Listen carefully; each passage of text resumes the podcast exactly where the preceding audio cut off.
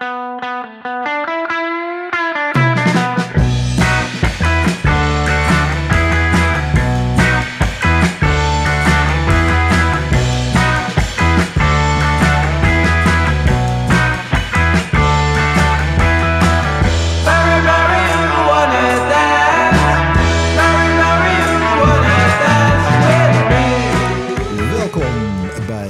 Tea met Dirk en Rens. Een podcast over cannabis en alles wat met deze fantastische plant te maken heeft. Mijn naam is Dirk Bergman. En mijn naam is Rens Hoppenbrouwers.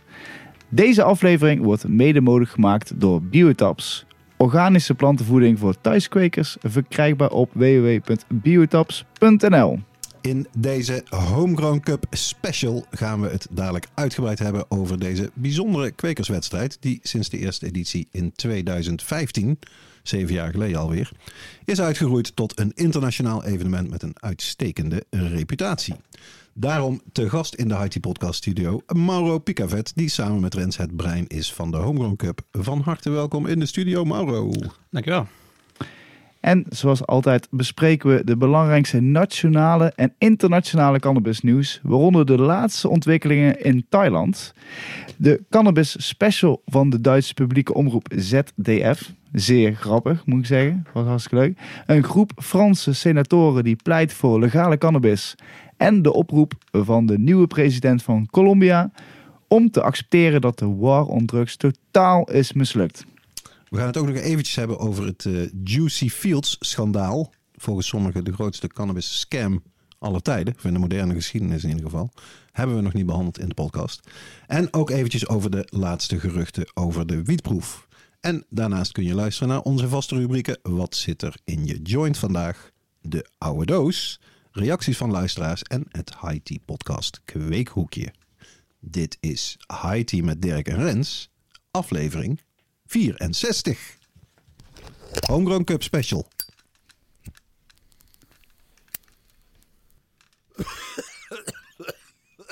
Wat zit er in jouw joint vandaag? Ja, inderdaad. Homegrown Cup Special. En eh, natuurlijk beginnen we altijd met onze vaste rubriek. Wat zit er in je joint vandaag? En eh, om het in het ere der Homegrown Cup te houden, hebben we allemaal eh, wat samples. Eh, of in ieder geval hebben we allemaal een sample van, de, van de, meest recente. Ja, inderdaad. Dus eh, Dirk, Ja, wat eh, ben jij lekker aan het roken? ik ben aan het, aan het roken met veel smaak en genoegen, moet ik daar meteen bij zeggen. De Peach Melba van Holland Finest. Ik geloof wel dat het een strain is van La Chanvrière. Dat weten jullie misschien beter dan ik. Ja, klopt. Maar ja, Peach Melba, de naam geeft het al een beetje weg. Hij heeft ook een tweede prijs gewonnen, heb ik nog eventjes gecheckt. Eh, bij de Flowers. En ja, dat, het is... Nou, het is sowieso heel fruitig, maar ik vond naast eh perzik vind ik ook toch een erg soort berry-achtige smaak er, eraan zitten. En eh, ja, en daar meteen bij de eerste hijs komt dat aroma vol naar binnen, zeg maar. Ik hoorde een kleine wow op de achtergrond. ja, ik vind het wel een, een wauw wietje. En welke cup sample heb jij erin zitten, Mauro? Ehm, ik ben eh, Sour Power OG aan het roken. Dat eh, won geen prijs, maar is gemaakt door eh, Engelsman Mr. Opax. Of in ieder geval gekweekt. Eh, is een kruising door eh, samenwerking van Karma Genetics en Hortilab. Dus eh, Oké dan. lekker. Hij, hij was er ook echt heel trots op. Hè? Hij was ook heel blij dat hij Karma die sample kon laten proeven. Mhm. En die had hij al schijnbaar maanden speciaal gekeurd voor hem. En, eh, Want Sour Power, weet je dan ook meteen welke planten daarvoor gekruist zijn of niet? ik, eh, ik heb eigenlijk eh, de voorgeschiedenis niet gedaan, maar het zal waarschijnlijk iets gekruist zijn met de Sour Diesel Hmm. van eh Karma. En daar, eh, daar, ja, die is gewoon wonderbaarlijk goed. Dus eh, waarschijnlijk eh, de combinatie daarvan maakt het extra gassy. Ja. En eh, wie weet eh, vinden we, weten we het zo. En bij jou, eh, Rens? Nou, ik, Wat eh, zit erin? ik ben toevallig, ik, ben, ik heb een random eh, grabbel gedaan. En daaruit eh, kwam de Afghani Pie. Hmm. En eh, ja, het is van Ja French Koes. En ik moet zeggen, het, die, die wiet zit, er- of het topje ziet er echt heel prachtig uit. Met van die lange haren. En eh, dat echt dat Afghaanse, dat zit er eh, heel Minder, duidelijk eigenlijk- in. minder dan een pie strain vond ik er. Ja. Meer Afghaans Ja. uitzien dan, eh, dan de Amerikaanse pie-achtige soorten. Precies. En ja, het smaakt zeer aardsig. En nou ja, ik, ik moet zeggen, de, de, de pie komt er nog niet helemaal uit, zeg, zo- zal ik Mhm. eerlijk zijn. Maar het is, het is een zeer, zeer aardig soortje. En daarbij, heb, om nog een extra beetje op te, Beetje te- bite. op te tunen, heb ik er wat eh Koosberry hash drysift eh, van de Tourmalijn eh, bij gedaan. Oké dan. Dus we zijn allemaal... We kunnen vooruit. Voor- dan, eh, die Sour Power OG is blijkbaar Karma's Biker Koers met Hortulab Sour Power. Kijk. Ah. Ja, precies. Nou, ik zou, ja, de- altijd lekker. Altijd lekker. Bikerkoes, ja, die ben ik ook wel vaker tegengekomen in het verleden. Lekker, lekker. Ja, en het is, eh, het is, het is, het is, de, het is een echte high tea, of nou, een, een, een homegrown cup special. Omdat we dachten, de laatste, twee weken geleden hadden we de homegrown cup. En ik moet zeggen, het was wel weer een, eh, een zeer aardige, eh, aardige versie. En het is leuk om eens een keer nog even een beetje te reflecteren en daarover Terug te blikken. terug te blikken. Superleuk. Gaan Maar- we doen. Voordat we dat gaan doen, gaan we eerst naar het nieuws.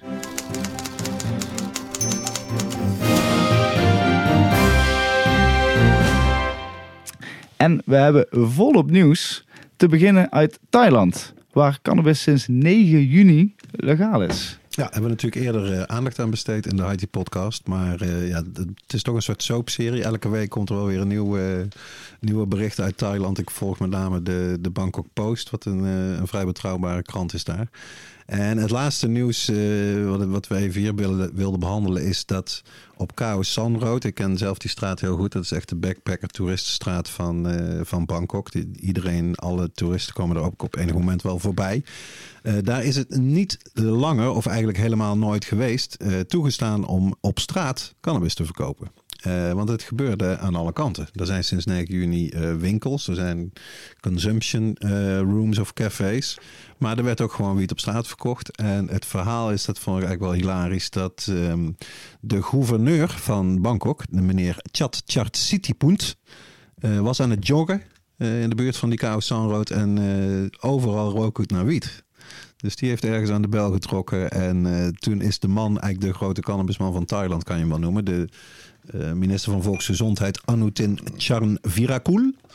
Die tot nu toe, ja, hij is eigenlijk de architect van die legalisering. Die eh, ja, heeft toch ook gezegd van nee, dat is niet eh, de bedoeling. Dat mensen op straat eh, cannabis aan het verkopen zijn.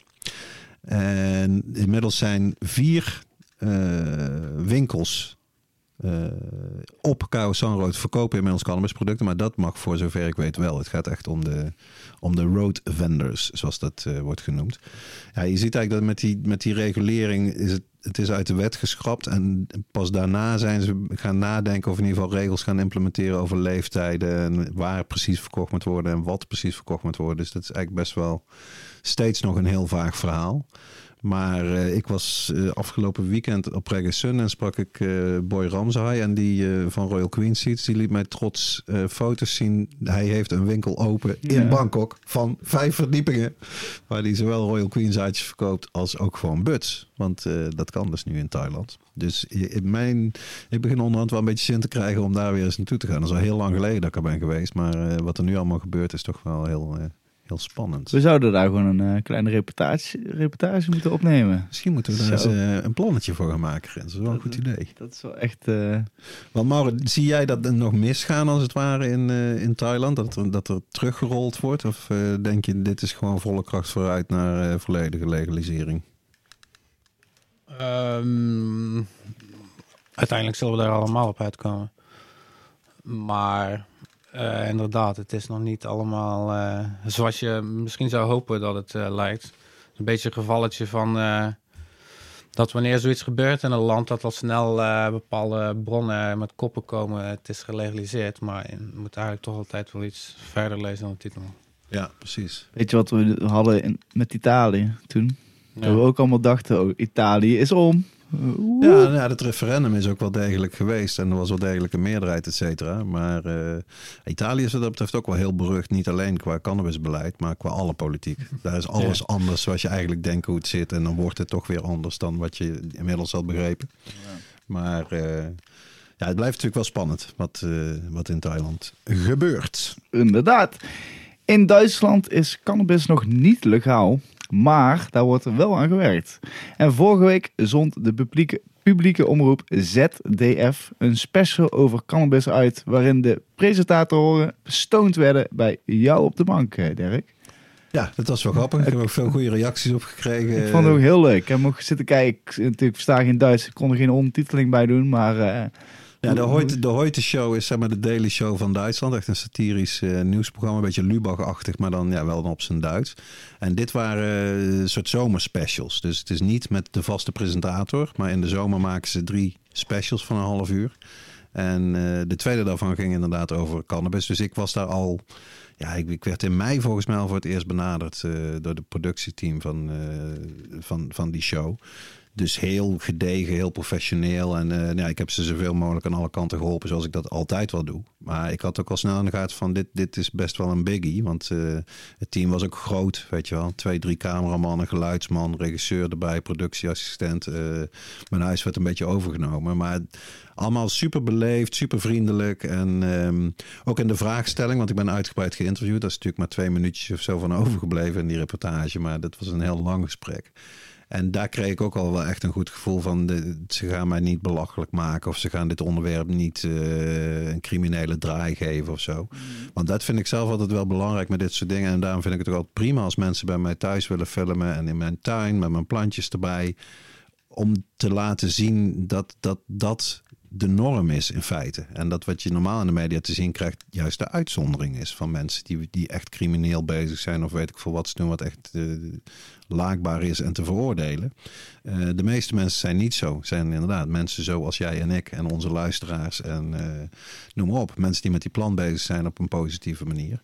En dat vond ik zelf dat het ook wel eruit kwam. En het, het was natuurlijk grappig. En voor mij was het heel leuk, want ze had ook een dronecamera bij zich. Om eh, ja, mijn eigen wijkje en mijn eigen achtertuintje met professionele drone op televisie te zien. Dus dat was komisch, ja.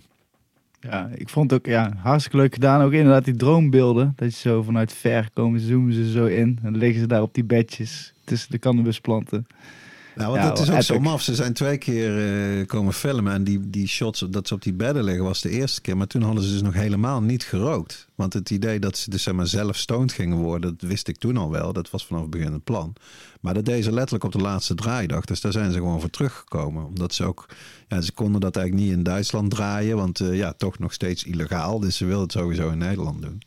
En dat die, eh, die redactie zat wel een beetje omhoog, omdat ze op het laatst eigenlijk nog geen plek daarvoor hadden. Dus toen belden ze mij weer van, ja, eh, kunnen we niet dan in Eindhoven in een café filmen of zo, waar ze stoned worden.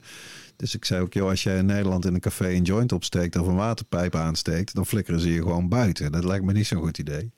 Dus zo kwamen ze uiteindelijk eh, ja, bij mij in de voorkamer op ons bankstel terecht. En ja, ik vond het hilarisch. Hè? Die ene die kreeg de jongere, Fabian, Ja. die kreeg een lachkick tot en met. Die rolde echt bijna van de bank af.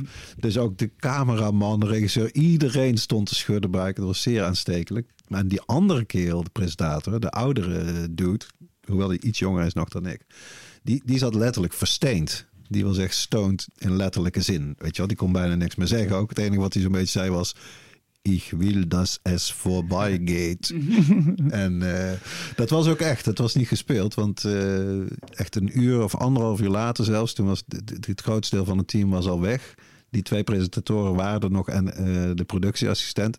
Wij zaten lekker buiten in de tuin, chillen en napraten. En die gast zat nog steeds op de banken in de voorkamer. En die zei nog steeds niks. Zichzelf eh, overeind aan het houden. eh. ja, dus eh, die regisseur vond het ook mooi. En dat, dat is natuurlijk ook zo. Je hebt in één shot ja, de twee soort uitersten. Het kan een geweldige, positieve, vrolijke, lachende belevenis zijn.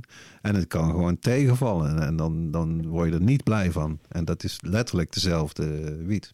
En incidentally kan ik zeggen, de wiet die wij in de vorige aflevering van de IT-podcast hebben gerookt van eh, Rick. De, Rick Brandt. De, eh, De Kristallica. Ja, Ja. ja. Nou ja, die is ook Nee, lekker, toch? Daar word je wel knetterstoned van, ja. ik snap wel eh, hoe die presentators eh, zich hebben gevoeld, ja. Maar ik had, eh, voordat die aflevering natuurlijk online ging, hadden we hier al eh, over gehad. En eh, toen, aan de hand van je verhaal, had ik eigenlijk verwacht, zeg maar, in de aflevering, hoe die, hoe die ene keer al slecht zou erop gaan. Maar uiteindelijk hebben ze het mm, inderdaad redelijk eh, goed eh, weergegeven. En niet eh, ook heel erg ingezoomd dan op hoe slecht dat die ging, zeg maar. Nou ja, dat ze überhaupt zichzelf lieten filmen dat ze, het aan het, eh, in, dat ze die bong aan het roken waren. Ja, er was ook wel een soort spanning bij die opnames. Dat was wel bijzonder. Want ze Ja. begonnen met die vaporizer, een stort en bikkel. Dat ze allemaal zelf meegenomen. Ik heb alleen de wiet, eh, zeg maar, de wiet aan de bank heb ik ter beschikking gesteld. Maar eh, meteen ook al met die, met die verdampen alle twee. Ze gingen echt lekker eh, sukken, weet je wel. Het was niet van voorzichtig Nee. even... Nee, het was gewoon, hup, nou, nou gaan we er ook voor. Ja, ja. En eigenlijk om daar, want daarna hebben ze die bong gedaan. Ik denk dat ze twee keer die vaporizer hebben gevuld en, eh, en daarna met die bong in, achter elkaar door. Weet je wel, in korte tijd. Ja, dan, zo'n dan heb je een soort maximaal nooit effect. heeft gedaan, eh, ja, dan heeft het ook inderdaad wel, als misschien ook wel wat te veel. Gewoon simpeler. Ze hadden beter wat langer gewacht en zo. Ja, maar ja, met die, die, die Fabian, dat was ook wel echt hilarisch. Want dat was dan wel gescript. Dat is natuurlijk het grappige als je heel de dag daar, daarbij bent. Hij had het allemaal uitgeschreven. Op het laatst ging hij dus, dat was het plan, woordgrappen. Over, eh, weet je wel, Maria en Juana. En eigenlijk hele flauwe Duitse woordgrappen, Mm. maar ja, wel melig. Die had hij voorbereid, maar toen hij zelf stoned was en al een halve lachkick had, to- toen vond hij ze helemaal fantastisch grappig. Terwijl die andere kerel, die, die, die vond gewoon niks grappig meer, weet je wel. Hoe goed die woordgrap ook geweest had kunnen zijn, die had niet gelachen. Dus het was ook hilarisch dat toen hij hem ging afkondigen, die jongere gast, bedankte hij dus ook de dokter, de arts die erbij was. Die, eh, die dame die ik erg goed vond overigens. Maar, eh, en hij zei nog steeds niks, die andere. Dat, en dus in de reportage zit ook dat die Fabian zegt tegen die, tegen die andere jongen van... eh, zeg in ieder geval even dankjewel. En dan zegt hij ook alleen maar danken. Verder komt hij niet. Ja. ja, Dus ja, voor iedereen. Hij, hij is terug te vinden, terug te kijken. Ja, ik weet niet of die echt online blijft staan. Maar ik heb in ieder geval ook via Twitter gezien. Er zijn ook wel losse stukjes van op YouTube in ieder geval. Eh, dus het moet wel eh, ergens terug te vinden Ja. zijn. En het is een, een redelijk grote omroep, toch? Dus eh, Ja, het is echt best wel huge. Ik Ja. kreeg ook een, een eh, mailtje uit eh, Wenen van mijn vriend eh Erik daar, die ik ken van Enkelt. En die zei ook van, de, die, is dus, die zit in Oostenrijk, maar hij zei, ik kijk elke, elke aflevering van het programma. Dat is echt een van de beste programma's van Duitse tv. En hij zei ook zo van, ja, als je, als je daarin bent geweest, dan, dan ben je echt in Duitsland, eh, dan ben je super bekend. oh, jongen, wij kunnen daar niet meer over straat. Of jij kan daar niet meer over straat. eh, Ja, de grap is dat ik de week daarvoor was ik in Duitsland op vakantie.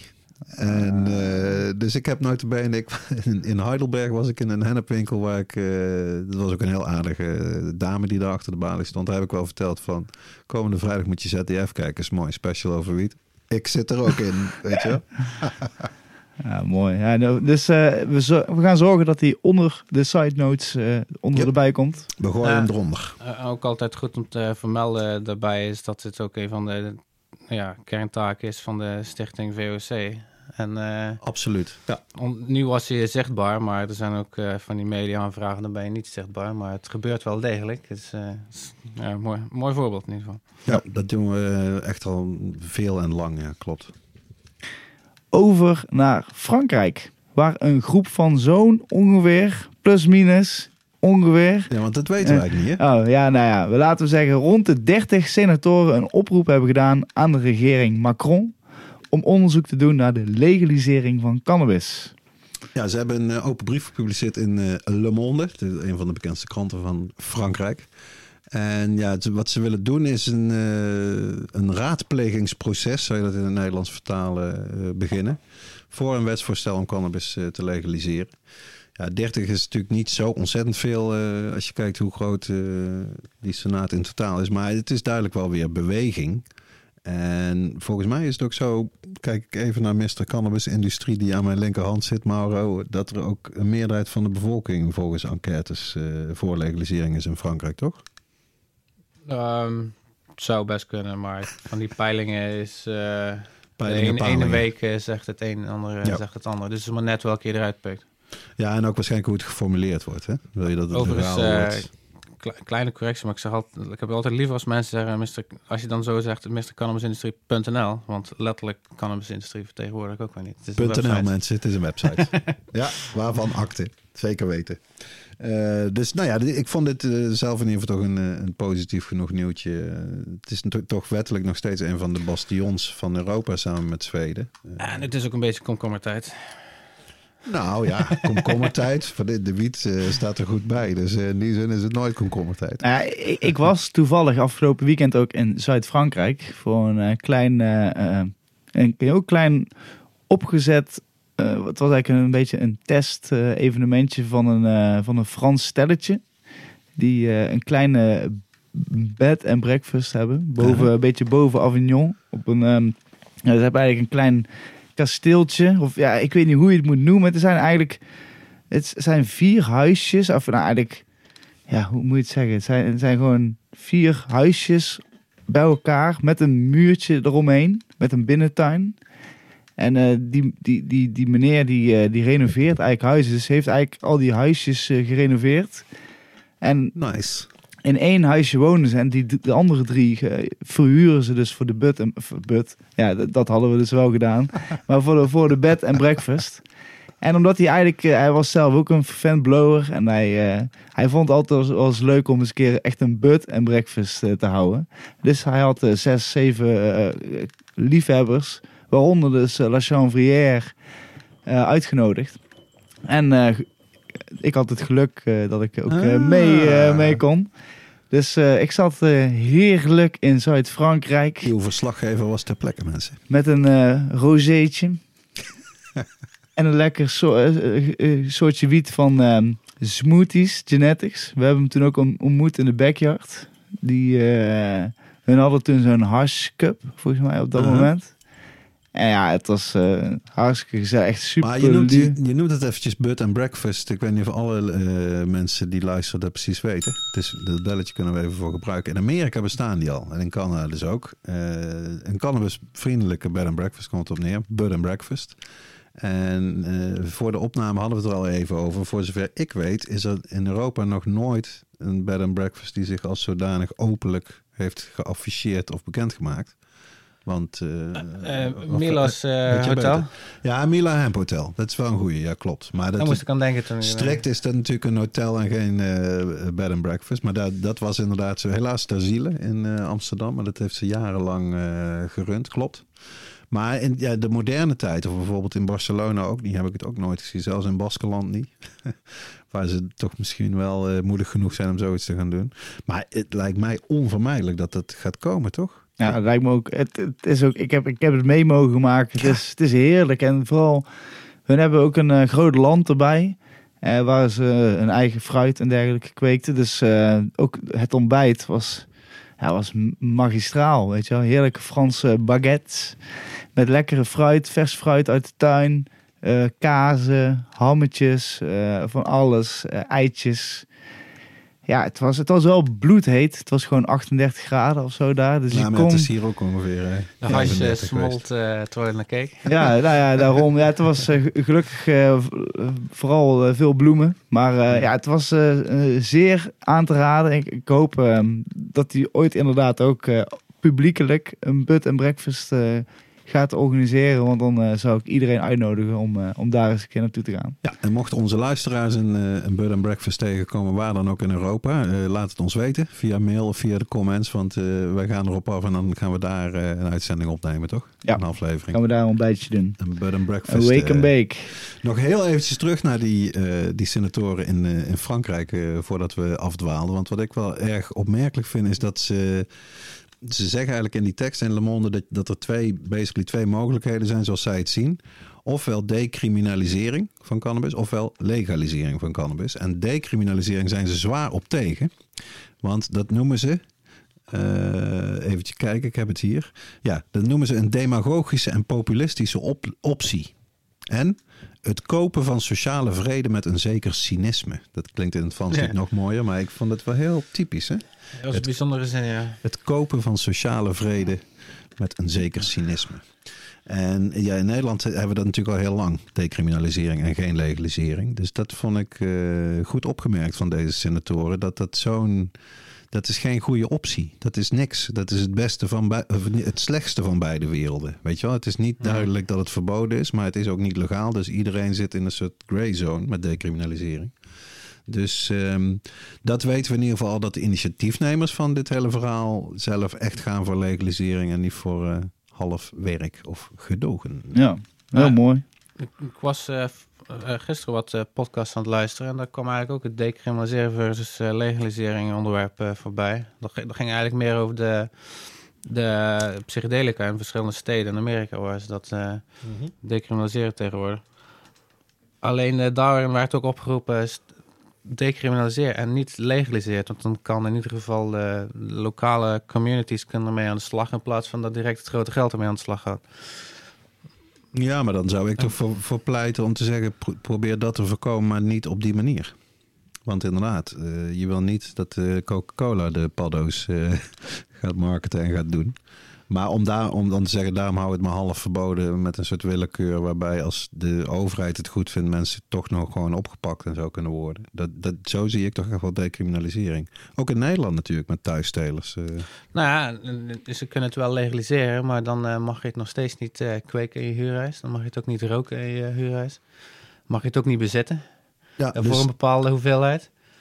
Dat zie ik ook. eh, ik gisteren nog even een discussie over gelezen op, eh, op Twitter. Maar dat blijft toch ook wel gewoon een ding waar we hier in Nederland ook zeker over na moeten denken. Nou ja, in die zin is de, eh, ook het wiet-experiment natuurlijk heel beperkt. Het gaat puur over coffeeshop. En het gaat dus niet over thuissteel. Het gaat niet over wat zijn de wettelijke regels precies rond bezit, et cetera. Zodra je de drempel over bent, eh, ben je eigenlijk voor vrij. Het is, het is eigenlijk Het bijzonder. blijft hè? erin zitten. Ja. Gewoon vanaf het zaadje tot het product is volkomen legaal, die, dat vier jaar. Dan gaat het de shop in, is het ook nog legaal. Want we mogen het verkopen. En dan mag het eigenlijk mag het, mag het bijna niet eens consumeren, want dan ben je onder invloed op straat. Ook weer. Maar geldt En- bijvoorbeeld lopen ook als deelnemer aan het verkeer? Ja, volgens mij wel. Volgens mij moet je eigenlijk ja, letterlijk... ja, ja, ja, ja. s- ja, ik, volgens mij met die uh, Cannabis en Verkeer website hebben we dat toen wel eens op. Eigenlijk moet je gewoon- Ja, fietsen in ieder geval wel. Nee, ja, oh, dus je moet eigenlijk Dus gewoon ben- gedragen ben worden. Vanuit, vanuit, het, vanuit de koffer moet je gedragen worden, de taxi in.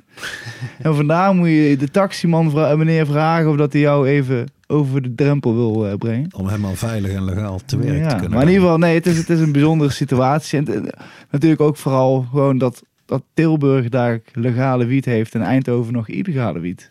Ook dat. Blijft ook een... Ik, ik, ik, ik, Dan eh, hoop ik dat de trein weer eh, gaat tussen Eindhoven en Tilburg. Nou ja, ja. of Rens kan misschien af en toe een keer een zakje keer, eh, ik ben ook benieuwd eh, of, het bij, of het een zakkie blijft bij de gereguleerde wiet. Of dat we meteen lekker gaan upgraden naar iets beters. En er, ko- er komt geen plastic zakje. Nee? Nee, dacht je dat? Nou ja, Weet je hoeveel eh, informatie er allemaal op moet staan en dergelijke? Ja, maar En, dat is volgens eh, mij meer een bijsluiter die ze er gewoon bij kunnen geven op papier. nou ja, Ja, een neutrale verpakking moet het in ieder geval zijn. Hm. Maar daar ook weer, dat je Eh. daar maar 5 gram mee nog steeds mag kopen. Ja. Dat is ook weer bullshit. Echt bullshit, ja. In Amerika mag je gewoon eh 30 gram, soms wat meer kopen. Gewoon per keer. Ja. Ja. Maar ze hebben geen coffeeshops. Ja, Nee, oh ja, bepaalde plekken in New York nu wel. Ze hebben het ook goedgekeurd in eh, Las Vegas. In Ja. Californië had het altijd. Denver heeft het ook goedgekeurd. Waar je echt mag chillen. Ja, ik ben daar toen in Denver alleen geweest voor die dispensary van Rare Denkness. Ik had er laatst nog met iemand over. En we zijn gewoon letterlijk toen puur voor die dispensary gewoon helemaal naar Denver gevlogen vanuit eh, Seattle. en vanuit daar naar eh, Las Vegas. Maar, Maar is het ook zo ver, die afstand tussen Denver en eh, Seattle? Ja, van, wel mee. Ja, het was een paar uurtjes vliegen of zo. Toch wel. Ja, ja, ja, dat wel. En vanaf daar naar Las Vegas rijden was acht uur rijden. Jezus. Maar ja, het was het allemaal waard. Maar ik besefte mijn laatste pas dat we gewoon alleen maar gewoon voor die, voor 3,5 gram wiet die we die dag hebben gerookt. Burn Helemaal gas for Ja, very little Ja, grass. het, was, het, was, het, was, het was wel heel leuk. ik hou erover op. Meer goed nieuws uit Colombia. De eerste linkse president Gustavo Petro heeft bij zijn aantreden de war on drugs failliet verklaard. Kijk, dat hoor ik graag. Ja, geweldig eh, sowieso dat die man gewonnen heeft. Eh, de eerste linkse president. Er zijn eerder al vier keer linkse presidentskandidaten voor eh, Colombia doodgeschoten. De laatste keer in eh, What the fuck? 1990. Ja, dat, dat is heel, in feite heel eng wat daar ook gebeurt achter de schermen met zeg maar CIA en rechtse paramilitaire groepen en drugshandel. Dat wil je niet weten wat er allemaal achter de schermen speelt. En deze man is daar eh, toch wel eh, ja, het tegenovergestelde van. En hij zei bij zijn inauguratiespeech de dat de internationale gemeenschap moet accepteren dat de war on drugs heeft gefaald. Eh, hij vindt het tijd voor een ander drugsbeleid, uiteraard. En dat is weer wel, het is niet alleen maar juichen. Want in die speech zei hij ook van dat die, die oorlogsaanpak zeg maar, moet worden vervangen, vervangen door sterke maatregelen die de consumptie van drugs voorkomen.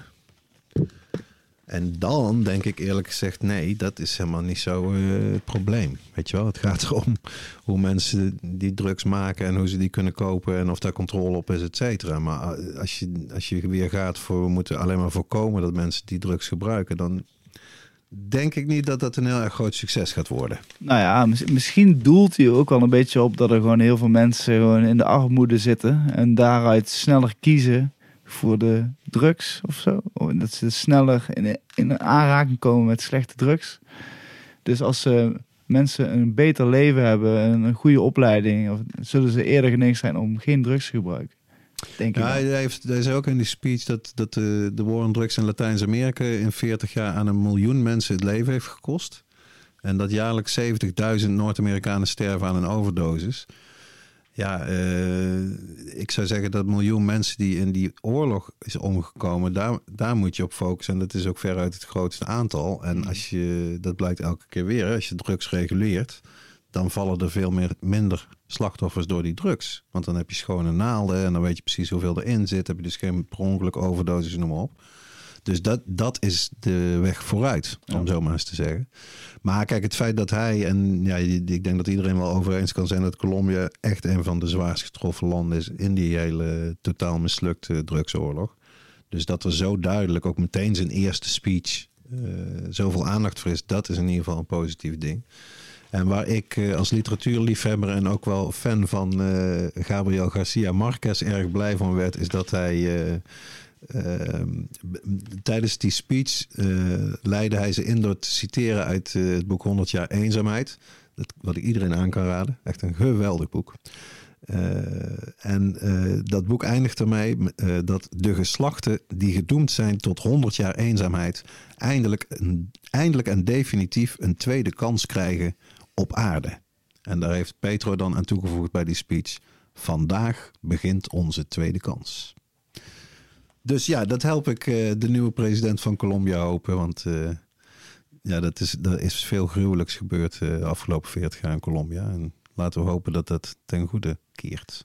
Yes. Eh, we hebben het nog niet eens gehad over het Juicy Fields schandaal dat in juli lo- eh, losbar- losbarstte. Vice noemde het the world biggest cannabis scam. Wat is Juicy Fields precies en wat is er, wat is er gebeurd? Ja, dat is. eh Mauro, je hebt er denk ik ook over geschreven, toch? Op cannabisindustrie.nl over Juicy Fields. Ja, volgens mij eh, twee maanden geleden. ehm, ik had ook wel dat bedrijf eh, kwam op de radar en ik had ook wel wat een raar gevoel bij. Totdat iemand ineens begon. Het was volgens mij Smokenhagen, die eh, uiteindelijk ook eh, twee prijzen zou winnen op eh, de Cup. Die eh postte iets van dat het een scam zou zijn en dat daardoor dacht ik van, ah, ik ga dit eens onderzoeken. En ik kwam al snel op een website die, die een of andere, die, tbob.com of zoiets, een of andere website die eh, van die scams allemaal onderzoekt. Aha. En daar kwam ineens, eh, of daar stond op dat eh, hij een, de AFM, de Autoriteit Financiële Markt, had aangeschreven van eh, in Nederland. eh, hoe, hoe zij erover dacht, omdat het in Nederland was eh, gevestigd. En eh zij hadden teruggemaild. Hij had ook die e-mail gepubliceerd van ja, dit is waarschijnlijk een scam. En eh, ja, dat had ook eh, de, de Duitse en de Spaanse al eh, op hun websites gepubliceerd, varianten. Dus eh, toen dacht ik, ja, dit is nieuws überhaupt. Dat, dat de AFM ja. reageert op iets op Ja, cannabis over gerelateerd. kan- Dus ja. specifiek daarmee heb ik ook dat artikel gemaakt. En, eh, Dat maken wij niet elke Ah. dag mee. Om, om, Maar- om bij het begin te beginnen, Ja, hoe wat, werkt wat het? het is, zij noemen het zelf e-growing. En het is dus in feite een investeringsvehikel, zoals het dan wordt genoemd. Jij kon geld, of kan geld, want de website is nog steeds online als ik me niet vergis. Geld investeren, wat dan zogenaamd wordt geïnvesteerd door hun. In de teelt en ook de verkoop van medicinale cannabis in landen en gebieden waar dat legaal is. Dat was ook steeds de hele eh, onderliggende premisse, zo gezegd. Eigenlijk, eigenlijk ook wel gewoon een best wel solid idea. Een super slim idee. Ja, als je En ik heb, eh, ik heb er zelf ook over geschreven. En eh, het is opmerkelijk dat het eigenlijk... Het is begonnen vlak nadat de coronapandemie eh, begon. Dus die gasten hadden zelf waarschijnlijk ook veel tijd. Of dachten in ieder geval, dit is een goed moment Waar mensen die zitten gewoon alleen maar op internet, die kunnen verder niet zo gek van Ja, doen. het, het ligt kunnen ook het ook mee, net nergens zoals de heen. cri- Net zoals met de crypto. Zij, Ja. leven daar ook mee. En allemaal rare andere scams die sindsdien Precies. het licht zijn eh, gezien. Dus zij waren er snel bij. Maar ja, het verhaal wordt steeds gekker en gekker. Want wat je, ze hadden volgens mij vier categorieën, maar dan, die waren ook gekoppeld aan plantnamen. Koei, er zat een koers tussen. En eh nou, dus het heel bekende wietachtige namen kon je dan doen. En dat was van, nou, als je die ene categorie betaal je iets minder. En die, bij die andere betaal je wat meer. En bladibladibla. Je kon eh, helemaal zonder dat je iets van je ID of iets hoefde te laten weten, kon je gewoon hup kopen. Maakt allemaal niet uit. Kon ook betalen met bitcoin. Maakt ook dan- allemaal niet Dat uit. zouden al eh, red flags moeten zijn. Ja, en, en het was zo, want ik hou me van dit soort dingen verre van. Dus het was voor mij ook weer even een crash course. En hoe zit het ook allemaal weer met beleggen en rendement en, en zo en zo. Maar zij beloven zeg maar rendementen van 100% binnen een jaar. Ja. Waar, waar je normaal met normale soort beleggingen is het 5% op Ja. een jaar is echt goed. 5 of 6%. Men zei gewoon, ja joh, dit 60, dit 80. En dat, eh, terwijl we overal zien ook dat de CBD-wiet eh wholesaleprijs aan het dalen is. Je ook in, in, in Duitsland die foto's zag met grote zakken wiet. Maar ja, het kost helemaal niks meer. Nee. Ja, dat, dat, die investering kun je er nooit uit Maar ze, ze hebben het heel slim en modern aangepakt, wie ze ook zijn. Want ook dat is dus eigenlijk tot op dit moment nog niet duidelijk. Maar eh, veel informatie of veel communicatie, moet ik eigenlijk zeggen, via Telegram groepen. Waarin dus investeerders met elkaar ook zeggen Ook zoiets van, ja, typisch ja, ik van heb, de eh, conspiracies en eh Ja. tegenwoordig. Ja, dus, dus op een of andere manier hebben ze ja, heel goed ingespeeld op eh, de laagste driften van de mens. Waarvan natuurlijk vooral eh, de gier naar geld een belangrijke is. En eh, nou, dat, dat schandaal is gebroken. En eh, ze hebben zelf op enig moment gecommuniceerd dat ze een half miljoen investeerders hadden.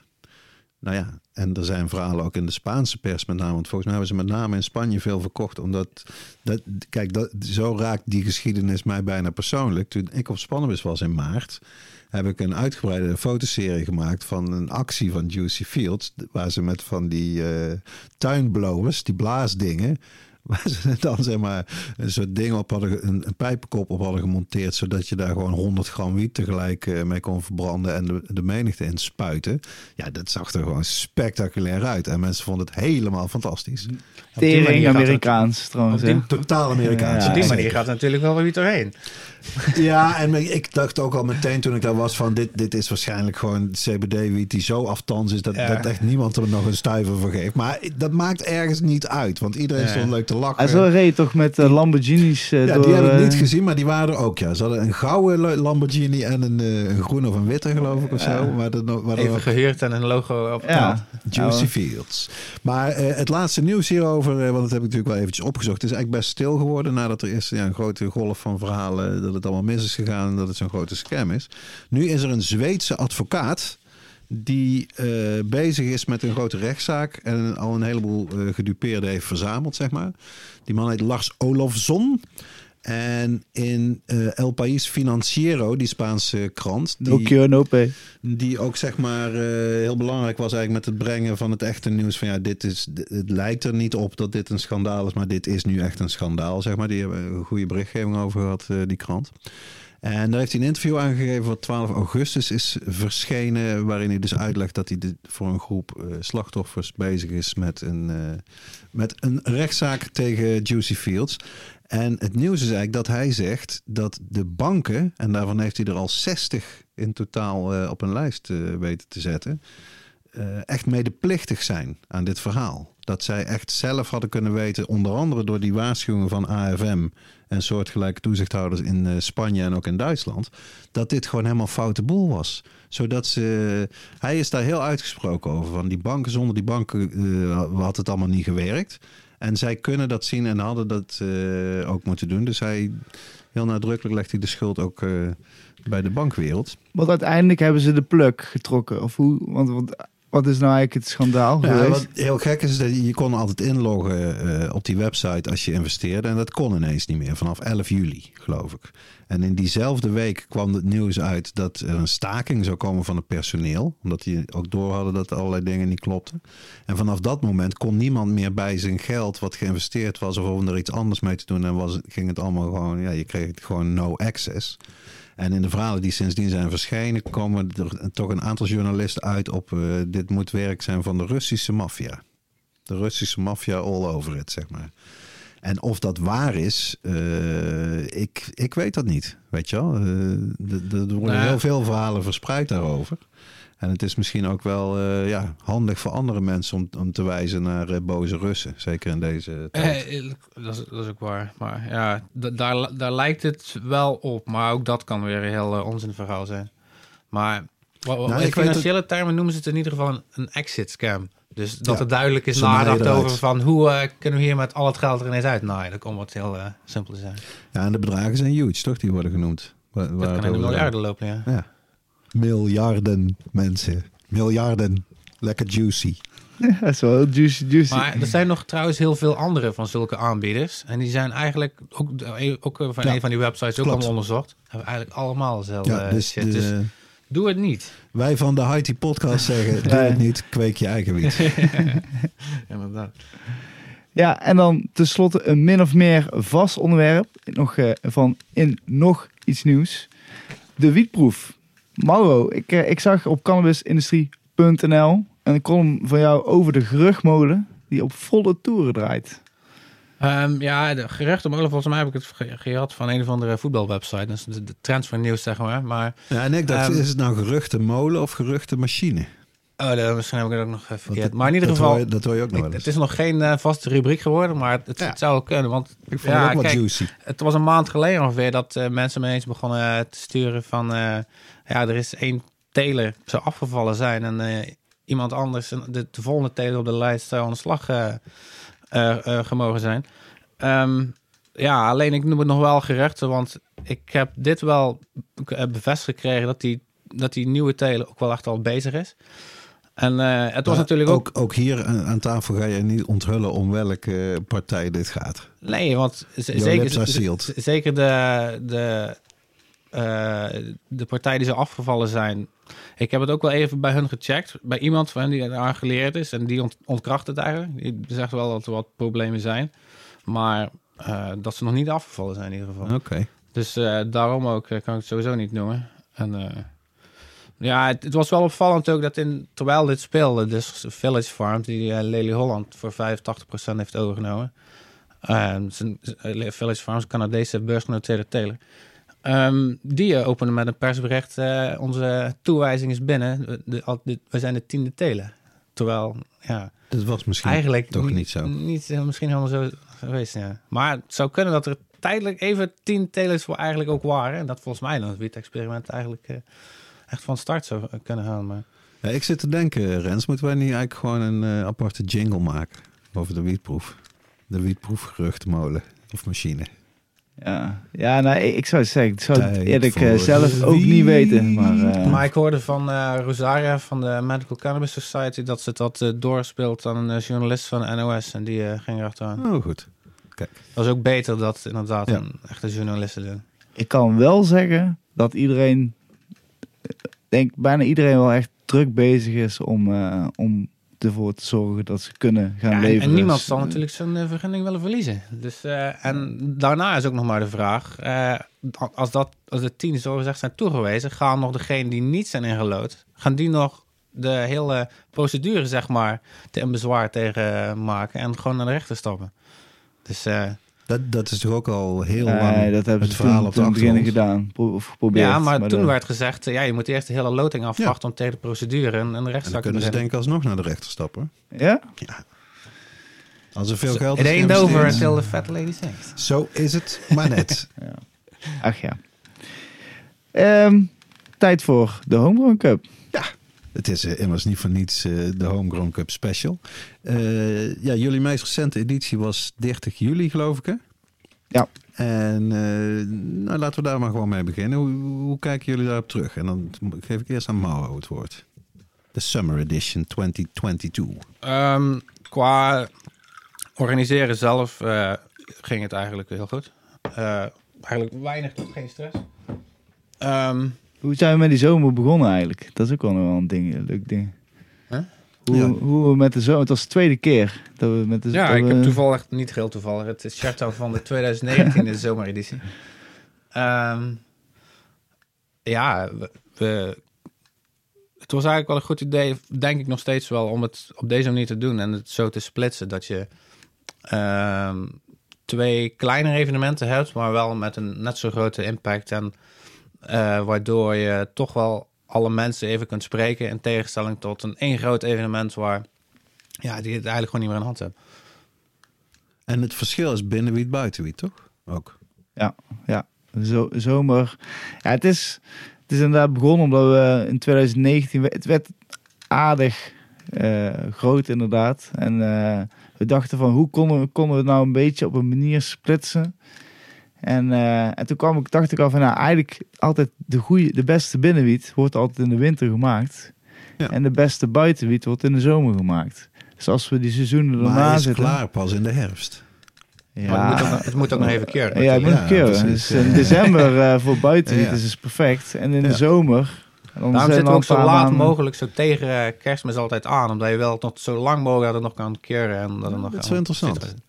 Nee, want kijk, eh, ik weet niet of dat al was uitgelegd is in de eh, Homegrown Cup. Ik heb daar natuurlijk vanaf het begin ook bij gestaan. Ehm, in zekere zin zijn jullie bijna in het soort gat gesprongen wat, wat de High Times Cannabis Cup Amsterdam eh, achterliet. Want dat was eigenlijk toen...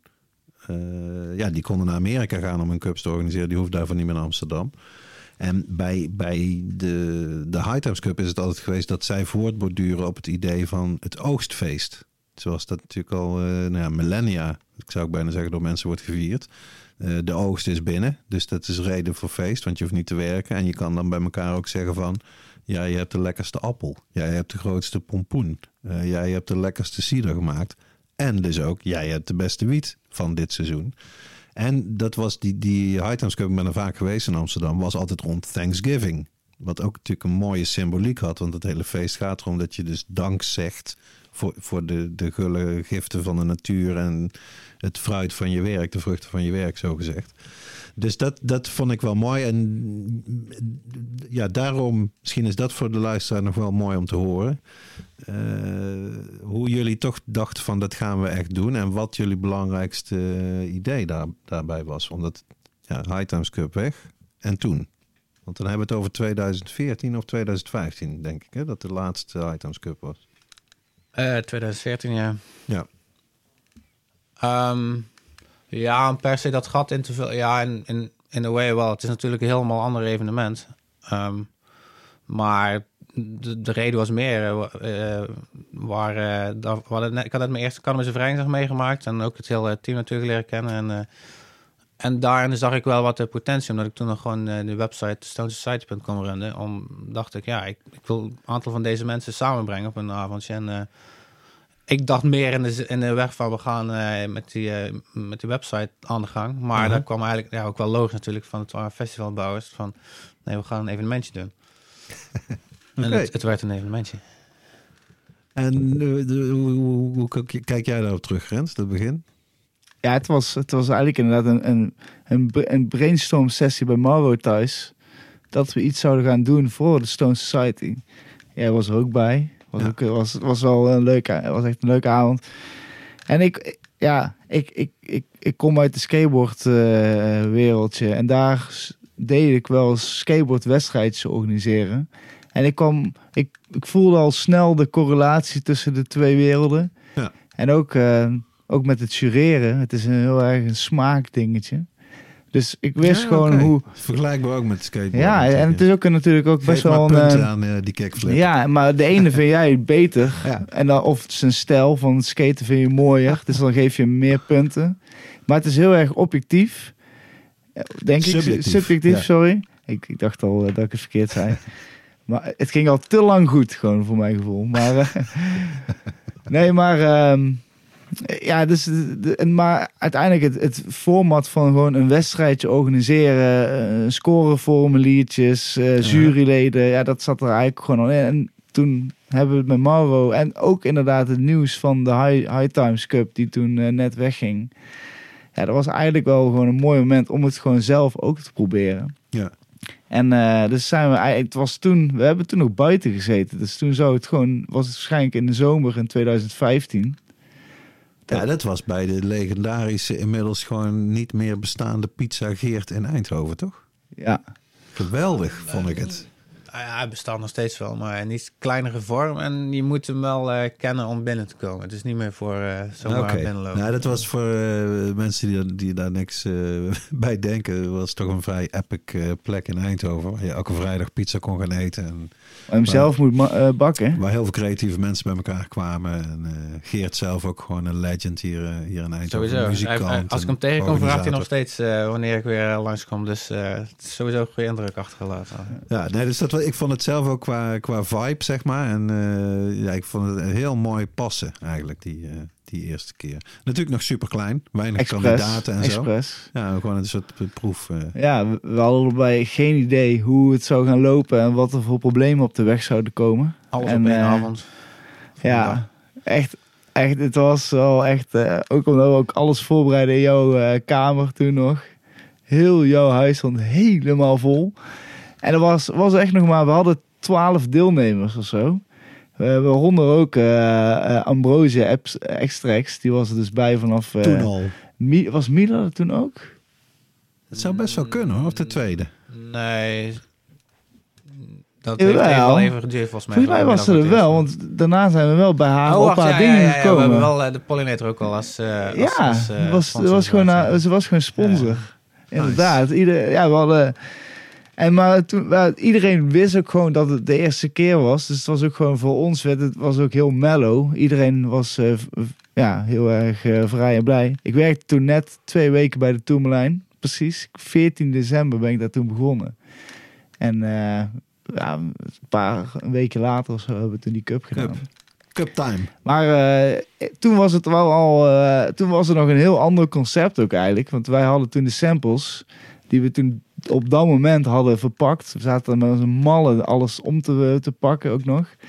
En eh, dan moesten ze elke keer konden mensen een sampletje ophalen. En elke keer als ze er een op hadden en gejureerd, konden ze een nieuwe krijgen. Ah. En zo konden ze vo- volgens mij vier samples dan roken.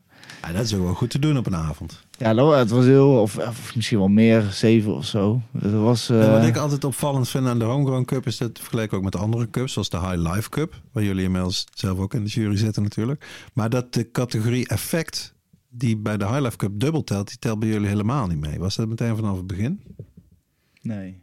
Volgens mij de eerste Misschien- keer het eh, hebben best we nog wel. dat de eerste keer dat het nog wel zo was, ja. Maar als- Omdat het toen misschien te overzien was qua wat je rookte, zeg maar, op een avond. Ja, dat Ook was dat. inderdaad, dat was wel. eh, maar inderdaad, 2016 was eh, bij eh, eh, onze, van, onze lieve mensen van de Eh, burgers. van Burgers. Ik was even de, de naam kwijt, excuses.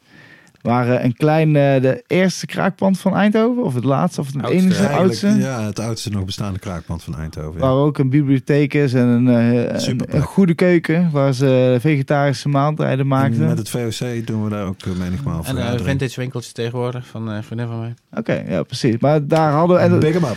Daar, za- daar, zaten, daar zaten we met denk ik een mannetje of 60. Zo, dat was volgens Ja, mij de capaciteit. 40 deelnemers zo. Dat was best wel eh, goed. Was al meteen best wel een goed bezochte cup. Met Ja. eh, kwaliteit. Maar er kwam, het was eigenlijk, voor wat we wilden doen, waren er wel iets te veel mensen. Of tenminste, een, eh, Ja, we hebben toen, toen leerden we wel van, oh ja, dus moeten we dit wel nog beter vooruit plannen allemaal. alles deden we inderdaad. Iedereen kwam gewoon s ochtends om 10 uur of zo. Of 11 uur binnen.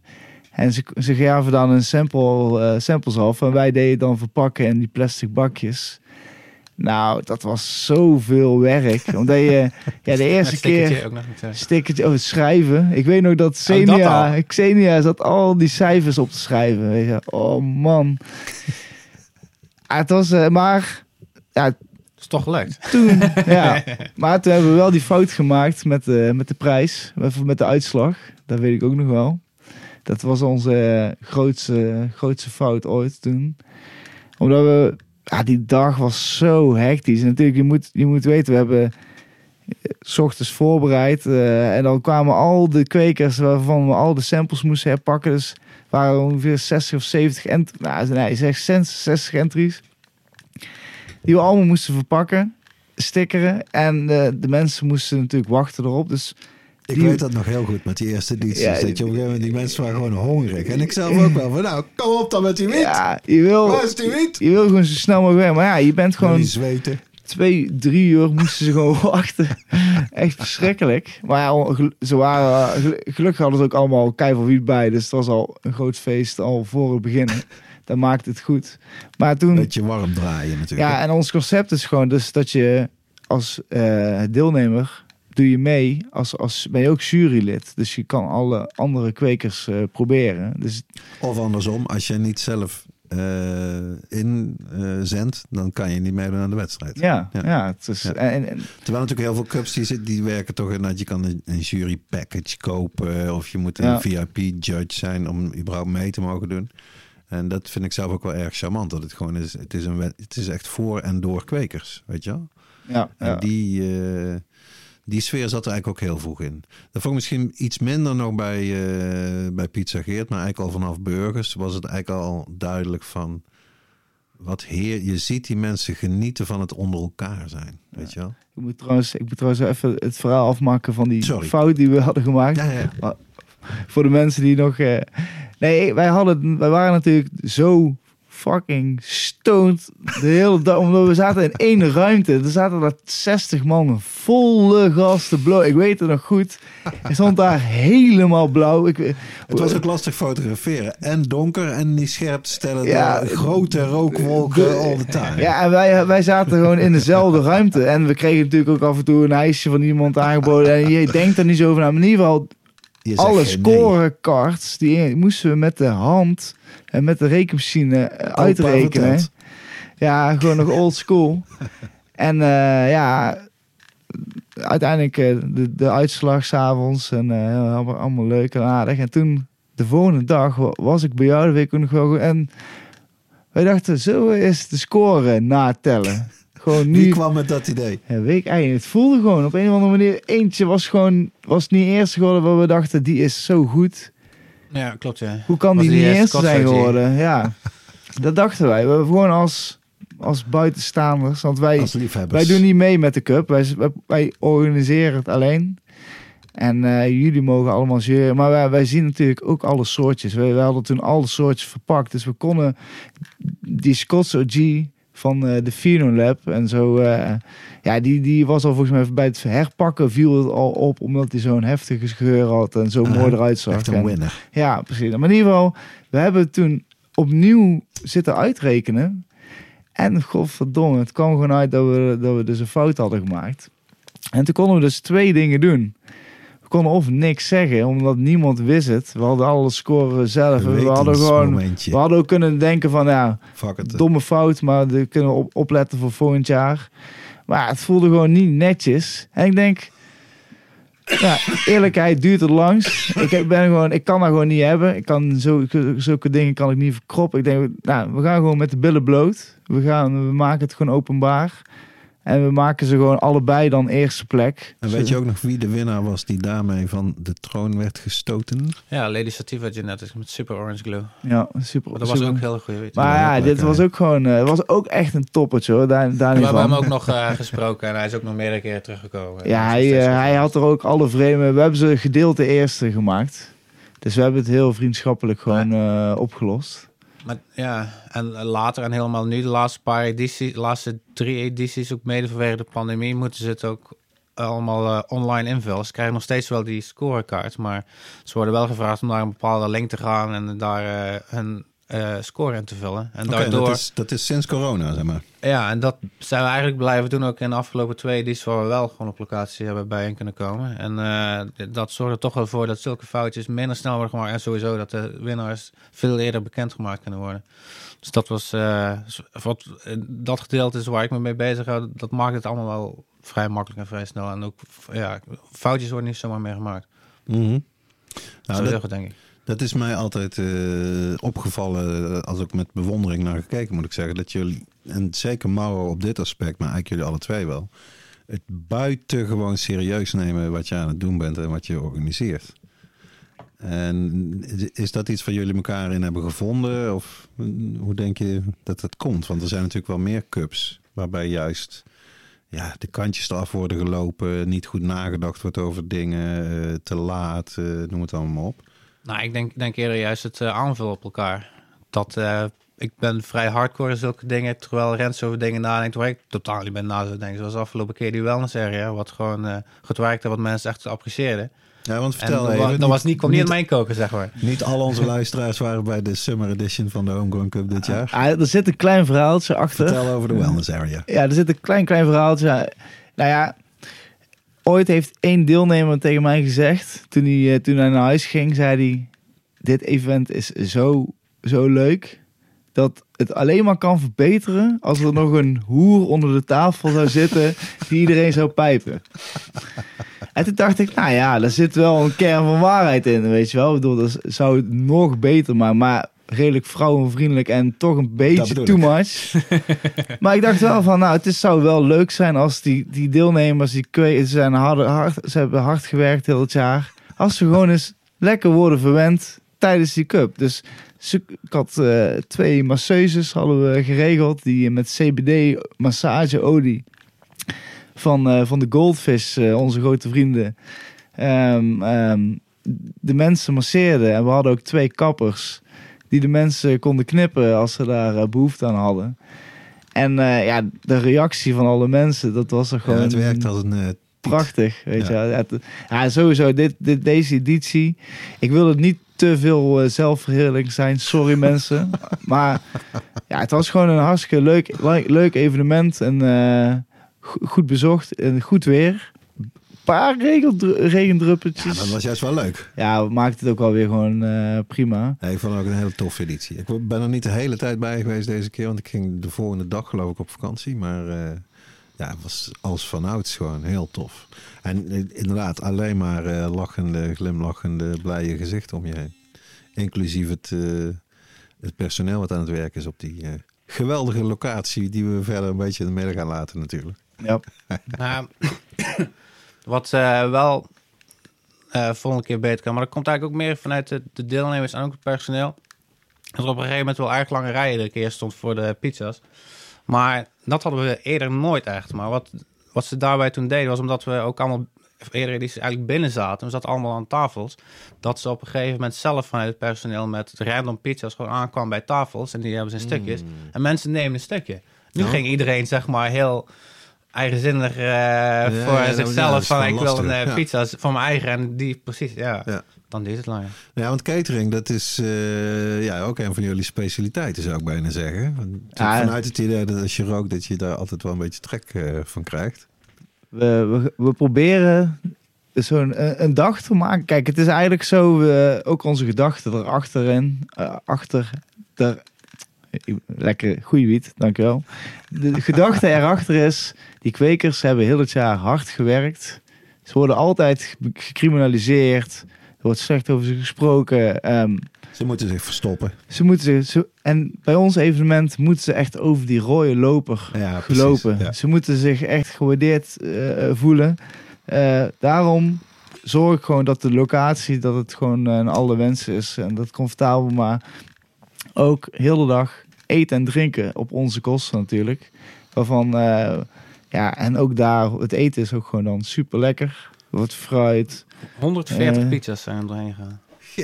Ja, best, Lekker. eh, best En we hebben dan een eh, Italiaanse pizzabakker die daar staat. Dus het was. eh, En nou, nog, nog één dingetje wat ik ook wel echt wil zeggen tegen, tegen alle mensen die ooit een keer willen meedoen. Of, of in ieder geval. eh, ja, wat ik ook af en toe tegen deelnemers zeg. eh, als er bijvoorbeeld sommige mensen zijn die niet komen opdagen, bijvoorbeeld of zo. Maar eigenlijk de wedstrijd begint al op het moment dat je je inschrijft gewoon. Want vanaf dan, meestal beginnen we de inschrijving een paar maanden eerder, maar dan, dan Ja, staan het- vaak het nog zit de planten. snel vol, toch? Ook dat. Je moet, Ja. we, we vertellen tegen niemand. Je moet echt onze Instagram in de, in de gaten houden. We hebben ook nooit reclame gemaakt eigenlijk. Het is altijd, hou onze Instagram in de gaten. En eh, probeer, probeer erbij te zijn. Maar op het moment dat je ingeschreven hebt, dan kan er dus eigenlijk nog van alles gebeuren. Die, die plant kan, eh, kan schimmel krijgen of eh, Het is het kan, natuur. het kan verkeerd gaan met drogen. het kan geript worden. de politie kan het op hebben. en, en dan is het klaar. En dan is het in je potje. En, en dan moet het op een gegeven moment ook nog naar de locatie waar we de- het evenementje houden. Een klein beetje maar, maar toch. Het moet wel aankomen. Kan ook nog van alles gebeuren. Eh, controle, eh, weet ik veel, verliezen, eh, met, wat dan ook. Dus eigenlijk op het moment dat je in die, op, de, op het evenement bent aangekomen die dag, ja, dan sta je gewoon al in die finale, weet je wel. Everyone's a winner. En, en zo moet je je ook voelen. Het het wordt er ook wel zeer bij geapprecieerd dat als mensen inderdaad niet kunnen of afvallen, dat ze zich afmelden en tijdig en niet in de week van tevoren. Zodat er zeg nog een maar eh, wachtlijstplek is. Ja, en de, de week van tevoren weet je al lang, en de week daarvoor weet je al lang of dat de wiet zeg maar goed of niet gaat worden. Dat is bij Heisel, bij, bij, bij de concentraat nog fout kan gaan in die laatste week. Dat, daar heb ik nog enigszins begrip voor, maar meld je alsjeblieft gewoon netjes af en dan hebben we een eh, wat betere competitie sowieso, denk ik. Ja, want inderdaad, er zijn mensen. We hebben altijd een best wel mooie wachtlijst of reservelijst. Omdat we meer mensen hebben vaak dan. eh, en dat is dan lastig als je die dan de laatste dag natuurlijk. moet zeggen van oh, we hebben toch nog een plekje. En eh, dan is het allemaal. eh dus het liefst. maar ik moet zeggen, over het algemeen doen ze het allemaal best wel goed. En ook de deelnemers. Het is zo mooi om, om die groep mensen bij elkaar te zien zitten. En het is echt een. Want ik zag ook veel nieuwe gezichten dit jaar, had ik het idee. Die ik niet eerder eh, ja, had gezien. ja, ja, zeker. Volgens mij ook zaten er voornamelijk ook weer veel eh, Belgen tussen. En dan voornamelijk Hmm. Frans sprekende Belgen. Walen. Omdat, eh, ja, vorig jaar door meerdere die daar aan meededen. En dan zie je dat dat een beetje een... Spreekt zich rond. Ja, en dan... Ja, Want hoe, hoe belangrijk denken jullie dat inderdaad Instagram ook is om... Ja, het evenement is heel internationaal eigenlijk geworden. De Kwekers uit Spanje, Engeland, eh, Frankrijk, eh, noem het allemaal maar op. Maar niet verder dan de, dan de Europese Unie plus eh, natuurlijk eh, onze Brexit-vrienden. Nog niet uit Amerika. We hebben, wel- Nee. we hebben wel een Canadees gehad. Ja, maar er was geen Canadese wiet, denk ik. Ja, die had zijn eigen Canadese thuisgekweekt Die had dan eigenlijk gedisqualificeerd moeten worden. Ah, ik vond het te mooi. Ik Het vond was het, te ook geen mooi. goede wiet volgens mij. Ik- Nee, ik weet nog maar- wel of je het hebt volgens mij. Ja, maar het was wel mooi. Ik vind het wel tof. Maar- ja, maar is niet de bedoeling. Europa is de grens, zeg maar. Europa Ja, want anders ga je, UK. anders ga je eh, concurreren met plekken waar het eigenlijk legaal is. En dat maakt het eh, Oké. mm, niet eerlijk gewoon. Het, het experiment was wel leuk. Dat een legale wiet gekweekt Nou werd, ja, dat we hebben ook wel eens in die Homegrown. 2016 editie hebben we gewoon ook voor de grap, eh, voor het ter experiment die Berokan wiet eh, zo'n potje erbij gedaan. Dat was ook wel Dat was cool, ja. Vertel dat verhaal even. Nou, uiteindelijk, ik denk dat het ook eh, een ideetje, ik weet niet van wie het was, maar we dachten wel van, hoe, hoe zou het nou, hoe zou de Bedrokan wiet eh, scoren Ja. tussen al die thuistelers? En zo ze het ten eerste merken, weten. Dus we hebben inderdaad, dus eigenlijk wel nog wel, moeten ooit nog een keer doen. We hadden dus, dus stiekem een sampletje erbij gedaan van dus beter. Of, we hebben dus een... De eh, cannabis floss, toch? we hebben, ja, Ja. we hebben iemand Ja. gevraagd. Ik heb, ik heb Rosa Ah, toen eh, gevraagd eh, voor de luisteraars, een paar afleveringen terug. Rosa. Van Roze Bierings, zeker een keer luisteren. Maar zij heeft mij geholpen met, eh met Beterkan wiet. Aha. En die hadden we dus gedaan. En volgens mij hadden wij 24 samples ook eh, met wiet of zo. En waren 23 of zo geworden.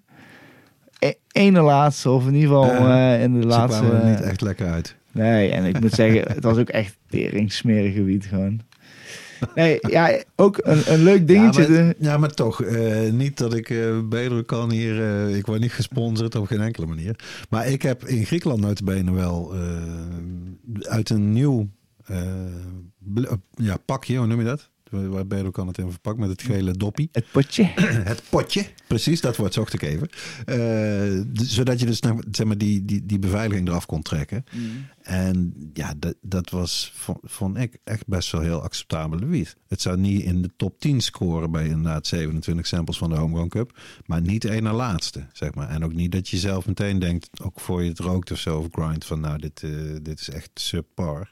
Dat vond ik in dit geval echt niet. Dus het idee dat het altijd super slecht is, dat is in ieder geval Nee, niet het hangt, het hangt nog steeds af waar, beperkte het ervaring. hangt nog steeds af waar het ook mee vergelijkt natuurlijk. Ook dat is waar. En elke batch is anders. Ik heb Ja. ook, ik heb, ik heb Nou ja, ook ze- verschillende soorten... ze zeggen eh, het zelf zeggen zeggen. ze natuurlijk van dat het, dat het juist niet zo is. Dat, dat het iedere keer hetzelfde is. Dat dat juist hun medicinale kracht is om dat te kunnen. Ja, nou ja. Ik moet zeggen, ik, ik, ik proef ook altijd die eh, bepaalde schoonmaakmiddel die hun gebruiken. Hmm. Het is dat, zo, dat is zo heftig. Ik, of, nou ja, ik weet, ik, ik weet ook niet, maar ze doen het ook eh gammastralen. Ja, voor mij, voor mij is het gewoon dode wiet. Weet je. Maar wie ben ik? en wel een leuk dingetje wat we dus ook eh, toegestuurd hadden tof. gekregen van Nou, dat was eh nog een nieuwswaardig eh, dingetje. Het idee, ja. Ah, dat ja. Ja, dat was wel, eh, dat was wel een mooie verrassing. ja. Hun waren sowieso, een, een- was eigenlijk voor het eerst dat er een, had het noemen, een Deense delegatie meedeed aan de Homegrown Cup. En eh, Denemarken is natuurlijk het land van Christiania. Waar al, ja, dat is toch heel lang in Europa samen met Nederland de enige plek geweest waar je een beetje normaal eh hash kon kopen. Dus inderdaad, Smokenhagen. Niet van, niet van niets, maar ga door.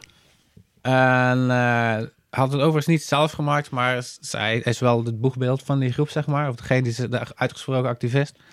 En ehm, ja, die eh, kwam al eerder met een eh, bericht dat hij geïnterviewd was voor een krant. En dat, dat artikel kwam uiteindelijk ook online. Maar het kwam ook wel degelijk in de geprinte versie, waar die gewoon eh, op de voorpagina stond met een zo'n rubriekje, zo'n fotootje, zeg maar. En, en dan twee pagina's verder stond zo'n groot eh, één pagina artikel gewoon over eh Denen die een eh, cup winnen in eh, Nederland.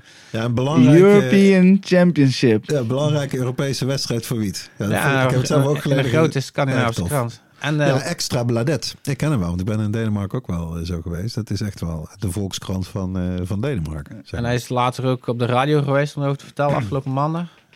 En hij zei ook nog ergens tv, dus eh, ja, en, eh, Ah, ik, ik vind het echt geniaal gewoon. Ook al is het misschien, willen we niet te veel ja, aandacht Ik wil wel zo'n kant. heb ik hem ook al laten weten. Van, eh en mag er toch wel opsturen.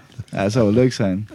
Nee, maar ik denk echt wel dat we het er gewoon voortaan onder kunnen zetten hoor. European Championship Craftsmanship. Ja, craft cannabis eh, cultivation of zo. Nou ja, European je, je bent lekker Cannabis eh, Europees. Cultivation. Dat, dat, dat staat buiten kijf. Hey, ik wil nog even hebben over de categorieën. Want dit vond ik dit jaar toch ook wel heel opmerkelijk. Dat jullie gewoon nog maar één wietcategorie hebben. Dus niks indica, sativa of hybride of eh, weet ik veel. Gewoon wiet. Ja, je moet gewoon je beste wiet meenemen. Maakt mij niet uit wat indica of sativa is. Als dat als sativa is, prima. Als het indica Ja, het, prima. het was ook gewoon een experiment. Om eerlijk te zijn. Jullie eigen wietproef. Nou ja, uiteindelijk eh, kunnen we elk jaar een, eh, elke eh, editie iets proberen. Om te kijken of dat het beter wordt of slechter. eh. Maar dat betekent toch dat je een shitload samples had in die ene wietcategorie. Wat onmogelijk op één dag nog goed te Nee, is niet onmogelijk. Is. Nee? Sowieso Nee. niet onmogelijk. Want hoeveel waren het er? 24.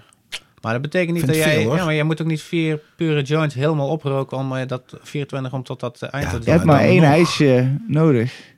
Dus als je over de hele dag hijsje? 24 hijsjes... eh Nou ja, best sommige zelfs... zouden er toch wat twee doen voor een goed oordeel. ah, 48. Uit, uit- uiteindelijk uit iedere groep, of, zo, wat ik ook bij die, bij die High Life eh, Cup, dan je ziet al vrij snel, dit is de, dit is de top 5. Dat ruik je en dat zie je. Ja, de rest is een beetje middelmoot en dan is er nog een boel die gewoon niks gaat worden. Maar soms heb je wel een dark Dus horse tussen zitten. ik zou waarvan vooral je denkt, die- dat is niet Kan. goed. Ja, maar daarom Kan. ben ik altijd... Nou ja, dit is, Ja, maar die het is ga je- onze maar- oude maar- discussie. maar- maar die hoef je ik ook- vind dat je altijd moet roken. Je zit niet voor niks in de Ja, maar je, jury. je, je kunt ook een dapje nemen van een Dynavap. Dat Met een. Dyna, met een vaporizer. Ja. Waardoor je niet Ja. een hele joint moet opmaken of überhaupt oproken. Aha. En uiteindelijk, je ziet mensen eh, van elke wietsoortje een heel klein jointje draaien. Ja, of een ook. paar ijsjes. Het hoeft niet altijd En een bijna iedereen, eh, iedereen lukt het. Serieus. Dus- het dus veel hoor, 24. Voor eh, heb- acht uur was iedereen klaar. Met ik heb menigmaal eh bij jullie in de jury mogen zitten. En ook meegedaan met mijn eigen buitenwietje, zeg maar, als inzending. Nooit gewonnen, tot nu toe. Want eh, wie weet, wie weet. Misschien, misschien dit, of, deze winter. Ik Wie hou weet. de hoop natuurlijk hoog. Maar dan ja, vind ik wel veel hoor, 24. Dat heb ik in ieder geval tot nu toe nooit hoeven doen. Maar misschien hebben jullie ook wel gelijk. Is het meer... ja, het, het- je hebt denk ik toch wel voor een groot deel gelijk, maar als je zegt van je kan puur op het oog en ruiken. Ja, je, zie kan- al ieder geval de top basisindeling. 15. Je kan al de Ja. top 10 of zo. Kun je er zeker Ja, uithalen. maar het snijdt een beetje door mijn ziel heen om dan zeg maar op basis daarvan te zeggen, nou deze, die, die, joh, die, die, die rook die ik rook niet ik thuis. Die Ja, rook ik thuis. is- Lekker, Ja, maar ja, dan- gemak. Ik ben, maar dat is de romanticus in mij, denk ik. Dan heb ik altijd zoiets, ja, maar stel dat er nou één bij is die toevallig, ja, deze ziet er echt niet uit, maar man, wat een bijzondere wiet. Weet je wel, dat je dan die wel terzijde hebt geschoven. Dat, Ja, nou ja, het is net Zo zoals in, eh, in, in andere, ook in, bijvoorbeeld in, gewoon de- in de sport, weet je ook, ja, er zijn gewoon bepaalde teams die zeggen, sorry, maar die gaan niet kampioen worden. onder, onder geen, dat is niet mogelijk. Gewoon. Evenals in de Formule 1, dat maakt niet uit. Ja, nou, ja. zo kun je er zeker over denken. Nou, kijk, voor mij, hoe ik het een beetje zie, is natuurlijk... Deze cup is natuurlijk... Ja, Zo'n Cannabis Cup, het is gewoon, eh, hoe moet je het zeggen? Het is een, al- een eendags evenement en elke dag zou, deze, kan, zou de uitslag anders kunnen zijn. Het is een momentopname. Het is echt een momentopname. Dus voor mij is het ook merendeels ook een echt een netwerkmoment. Dat ook eens een keer, die Ja. kwekers zijn echt op een plek waar niemand anders is dan alleen maar kwekers om zich heen. En dat is ook dat gewoon is een uniek. uniek. Ja. En ze kunnen van elkaar leren, ze kunnen vrienden worden, ze kunnen zaden delen, ze kunnen stekjes delen. Er worden daar eh, nieuwe dingetjes eh, geboren. En ik denk dat dat de grote kracht is ook van de Homegrown Cup. Ze, ze kunnen ook heerlijk, ja, ze kunnen ook heerlijk lekker roken en dingetjes zien en dingetjes snuffelen. Het is een sociaal gebeuren. Ja, ik, ik kan je misschien wel zelfs wel zeggen dat, dat je daarin ook wel een beetje gelijk hebt dat het misschien soms te veel is op één dag. En sommige mensen hebben ook gezegd, ik moest dus echt keihard werken, weet je wel, anders Ja, red ik man. niet. Dus wie weet, volgend jaar doen we gewoon een camping. Een meerdaagse Een, homegrown een cup. tweedaagse, dan, dat ze dan iets meer tijd krijgen. Ik Dat, ben, ik ben erbij. Dat zeg ik je. Sowieso. kunnen mensen een tentje opzetten in de tuin. Of eh, ergens een, eh, een campertje neerzetten. Dat is misschien... Maar in ieder geval, niet in de winter in ieder geval. nee, Dat, nee, eh, dat doen we dan eh, wel dat echt lekker in de zomer. Anders... eh, dus deze winter, ja... Dan, eh, dan houden we op met deze eh, grote reclame eh, stuk van ons. Nou, ik wil onze luisteraars en ook jullie nog even meenemen. Naar wat ik denk dat toch nog steeds het grootste schrikmoment is uit de geschiedenis van de Homegrown Cup. ja, Toen jullie eh, een keer qua locatie nou niet de allerbeste keuze hadden gemaakt. Misschien gedwongen, dat weet ik eigenlijk niet eens meer. 2018. Maar dat was, eh, ja, wat was het? Het was in een soort boven een winkelcentrum midden in een woonwijk. In Eindhoven. Ja, In de... Hoe heet die buurt ook? Het is in ieder geval eh, een gezellige volksbuurt. eh, Met een, ja, een winkelcentrumpje. En daar was een eh, atelierruimte. de ruimte was goed. Ja, was een, Twee eh, verdiepingen? was twee verdiepingen, hartstikke groot, meerdere zalen. Dus eh, de eigenaar was er ook helemaal mee eens. Alles eh, kids. alles in kannen denken. en kruiken. En ook, eh, ja, we wisten dat we wel aan een drukke, redelijk drukke weg zaten bij een winkelcentrum. Het was ook echt wel een- echt een tricky locatie. Het was ook zo, we, we probeerden elk jaar van locatie te wisselen om het zo, zo nog een extra vibe aan te geven dat niemand wist echt precies waar het was. Waar je uit zou komen. En eh, de jaar daarvoor zaten we gewoon op de plek waar we het dus eh, nu eh, regelmatiger doen. En dat was gewoon lekker, niemand had last van ons. We waren lekker ver weg van iedereen. En op die plek zaten we dus echt inderdaad midden in de stad. Gewoon Ik kan echt. het niet geloven. Het Ik was denk, echt. Oh, al die gasten die zitten te smoken. Ja, en eh, het was ook echt, eh, nou, 2018, we hadden zeer veel deelnemers. Het was ook echt de drukste, eh, zeker de drukste evenement die we ooit Een hebben van de gehad. redenen dus ook om het daarna te splitten in Ja. twee evenementen. Ja. Het was gewoon packed. Gewoon. Ik- Echt, er zaten meer dan 150 man zat daar. Het, het dingetje wat we dus hadden gedaan is, we hadden alle ramen en deuren dicht ge- ge- ge- gedaan. Omdat we wilden dat er niet te veel rook de straat op zo zou gaan. En daar eh, ongewenste personen mee zou eh, toetrekken. Eh, het dingetje dus was dat daardoor, omdat al die gebouwen aan elkaar zaten, ging dus die rook op een gegeven moment gewoon door de ventilatie gewoon naar andere gebouwen. En ja, het moment, op- uiteindelijk, ik word gewoon aan mijn mouw getrokken door iemand en zegt: Rens, Rens, je moet naar beneden komen. Er staat politie. En ik kijk naar beneden naar die, eh, want het was inderdaad, dat pand was eigenlijk.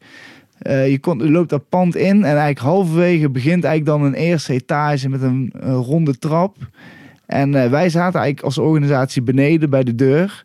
En daar stond een lange tafel bij waar één groep deelnemers aan zaten. Dat was de groep van de Fino Lab en Karma. En die, die, zaten ook, die zaten eigenlijk langs ons. En daarna had je eigenlijk dus inderdaad een wenteltrap naar boven. En daar zat eigenlijk dus nog 75 man daarboven. En dan had je nog een gang en daar zat nog een zaal met nog eens Allemaal aan het 75 chireren. man, allemaal keihard aan het smoken. En eh, dus ik, ik kijk naar beneden. Ik zie dus inderdaad twee agenten bij eh, Mauro al staan. Bij eh, ook de plek waar we dus die judge packs ook aan het maken waren gewoon, hè? Want dat zal ik dus Gewoon nooit die vergeten. foto's ik, van Ik jou. was op dat moment eh, aan het fotograferen in het hockey.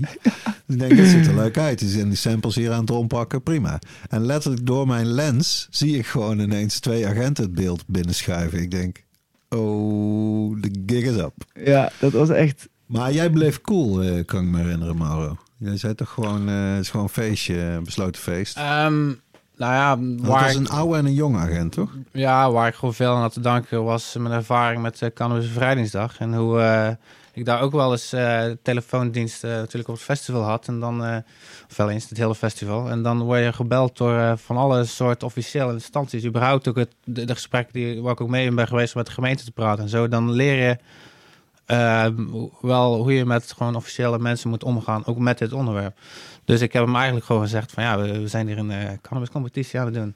Zeg maar, ik, ik zei wel wat het is zonder te veel te verhullen. En hij zei ja, oké, maar eh, zou je wel een eh, raampje alsjeblieft eh, open willen zetten? En ik moest wel mijn idee laten zien en hij heeft wel mijn, eh Nou, wat hij, wat hij ook zei... Hij, moest mijn ik- telefoonnummer achterlaten. Ik, weet, ik weet nog wel dat wat, wat hij toen. Want hij zag natuurlijk alleen, hun zagen alleen die tafel waar, Ja, waar. Karma aan zijn. Ja. zagen gewoon twintig gasten die lekker aan het blowen waren. Dus het was eigenlijk op het eerste zicht eigenlijk helemaal niet zo heel gek. En, en die agent zei toen zo van, ja nou, er is het probleem. Drie deuren langs, daar is een bibliotheekje en daar is een kinderfeestje gaande. En het staat daar gewoon blauw van de rook. Dus eh, daarom is de politie gebeld. En eh, uiteindelijk, eh, om het op te lossen, vroeg hij dus alleen maar gewoon eh, om, om geval het raampje open te doen. Om, zodat er eh, wat rook naar buiten kon in plaats van eh, door de ventilators. En, uiteindelijk zijn ze in de, inderdaad, ze hebben onze nummer opgeschreven en ze zijn weggegaan. En toen, ik weet nog dat ik uiteindelijk, want boven was het dus muisstil. Je kon gewoon inderdaad, je kon echt een, een, een naald horen vallen. Terwijl er gewoon 150 man boven zaten. Oh, topje wit hoor. Ja. En dus ik ben gewoon naar boven gelopen. En ik, ik weet nog dat ik gewoon iemand, die, die zag ik letterlijk zijn simkaart opeten. Nee, bijna. Hij was niet net Ah, nou ja, hij had hem wel in zijn hand in ieder geval. Voor het en, verhaal eh, wel beter als het wel had. Ik zag namelijk wel iemand die gewoon keihard de tent uitliep en ook volgens mij niet meer is teruggekomen. Nee, ja, dat is echt... Ja. Ja, ja dat is, het was, maar ik heb iedereen gezegd, luister, ze vroeg alleen of dat we een raampje wilden openzetten. en eh, ze zijn weer weggegaan, dus eh, we kunnen gewoon door. En eh, ja, toen brak weer het ijs eh, gelukkig. En eh, het was ook echt een eh, zeer, eh, zeer mooie editie, moet ik zeggen. Maar we toen dachten we wel van, ten eerste gaan we naar een locatie waar we geen, geen overlast kunnen veroorzaken. En we gaan het splitten in twee, omdat het gewoon te druk was. En ja, het is gewoon leuk als je gewoon iedereen persoonlijk even ja, gedag kan zeggen. Kan vragen hoe die het vindt of, of dat het misschien iets anders zou moeten. Of, ja, en ik denk dat dat onze kracht ook heel erg is. We zijn ja, allebei gewoon, eh, we hebben een passie voor, voor cannabis. En we vinden het leuk om iets te organiseren en iets te doen voor anderen. En eh, Mauro is gewoon heel goed eh, administratief. En, want ik ben echt een enorm eh, warhoofd. Dus ik, ik, ik ben meer echt een fantasist. En ik, eh, ik heb honderden ideeën en Mauro kiest elke de goede ideeën eruit, weet je wel. En zo, Dat is wel eh, belangrijk. Hè? ja, dat, dat werkt gewoon heel goed samen in ieder geval. Dus ehm, ja, Nee, misschien nog leuk om over de, de uitslag van de afgelopen keer een beetje te hebben. Want ik had er wel een idee over wat ik erover zou kunnen zeggen. graag, graag. Kijk, ook de, ik, wat me opviel was dat zeker in de flower categorie, dat de, de winnaar is de top 3. Er zat wel allemaal skittles achter genetica in. Aha. Terwijl eh, eigenlijk bij de highs maakt het niet zo heel veel uit wat voor soort het is, als het maar gewoon heel goed is. En eh, daar zaten ook wel een paar Goed, echt heel goed goede- gemaakt bedoel je dan? Of uh, definiëren of preciseren Ehm, goed? ja, full melt. Aha. Zeker in de isolator eh, categorie. Ja, dat, dat waren ook twee Spanjaarden die 1 en 2 waren. Leg nog maar eventjes uit wat full melt is voor mensen die niet meteen weten wat het is. Nou, dat is eh, eh, eigenlijk isolator, dus ijswaterextractie op zo'n manier gedaan. En om zulke topcondities dat het eindproduct gewoon ja, vloeibaar is. Mhm. En dat kun je dus direct dabben. Dat hoef je niet nog eerst te persen om er rosin van te maken. En eh, ja, het is een heel mooi product. Maar eigenlijk iets wat we in Nederland vanwege de de, wat je ervoor nodig hebt en alles ook niet echt eh, zomaar kunt doen. En eh, ja, daar vraag ik ook af of dat er nog wel een Nederlander zeg maar dit kan evenaren op eh, korte termijn. Ja, dat is op zich gek, want de landen waar het wel wordt gemaakt, daar is het ook niet legaal, toch? Nee, maar landen als Spanje kun je toch wel meer, of durven ze meer risico te nemen. Ja. En dat, dat zie je ook terug in de winnaars dan? Dat zijn dat vaak Zeker. Spanjaarden? Ja. Zeker in die categorieën. Het, uh, het wietkweken kunnen nog wel Nederlanders over. En eh, zolang je ze maar goede genetica geeft, dan kan iedereen het in feite. Maar Nou, dat vind ik ook wel een bout statement. Dat zou ik niet zeggen. Want het, het wordt soms ook wel weer ja, eh, onderschat hoe moeilijk het is. Is niet zo ja, simpel zeker. Maar ook het, kweken. of het, het drogen en het keuren Ja, het ervan. Ik bedoel, proces. je kan het allemaal misschien wel... eh, je, moet met, je moet met veel dingen toch wel een beetje skills oké, hebben. in theorie zou iedereen het moeten kunnen. Oké. Ja, dat is wel goed. Daarom ook, ja. Ik vind ook onze cup heeft echt de Olympische gedachte. Meedoen is belangrijker dan winnen. En het is gewoon voornamelijk gewoon dat je erbij bent en dat je, dat je een beetje, ja, een beetje jezelf ook weer eh, verbetert en jezelf eh, en je leert andere strains weer kennen. Je kan ze ook proeven, weet je wel. En dat is ook het Mhm. mooie.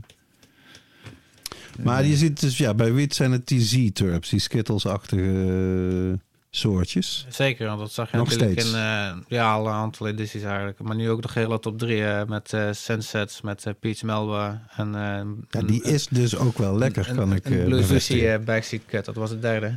Blue Sushi. Ja, die was ook erg, erg goed, eh, moet ik ook eh, eerlijk eh, beamen. Het zag, zag ook heerlijk uit. Wat was het, is er sprake zeg maar, van één grote winnaar die duidelijk het, het meeste punten of het grootste aantal cups mee naar huis kon nemen dit jaar? Of deze zomereditie? Ja, ligt eraan, als hij meer, als hij meer categorieën had meegedaan, had hij die waarschijnlijk ook gevonden. Maar het, eh, tuurlijk is het wel eh, zeer eh, bijzonder dat, eh, en, en knap ook, van eh La Chanvrerie, dat hij drie wedstrijden op rij... Hij kan niet waarschijnlijk de auto, ligt aan ook weer dat hij daarin meedoet, maar hij heeft een drie wietcategorie op rij met Sunsets gewonnen.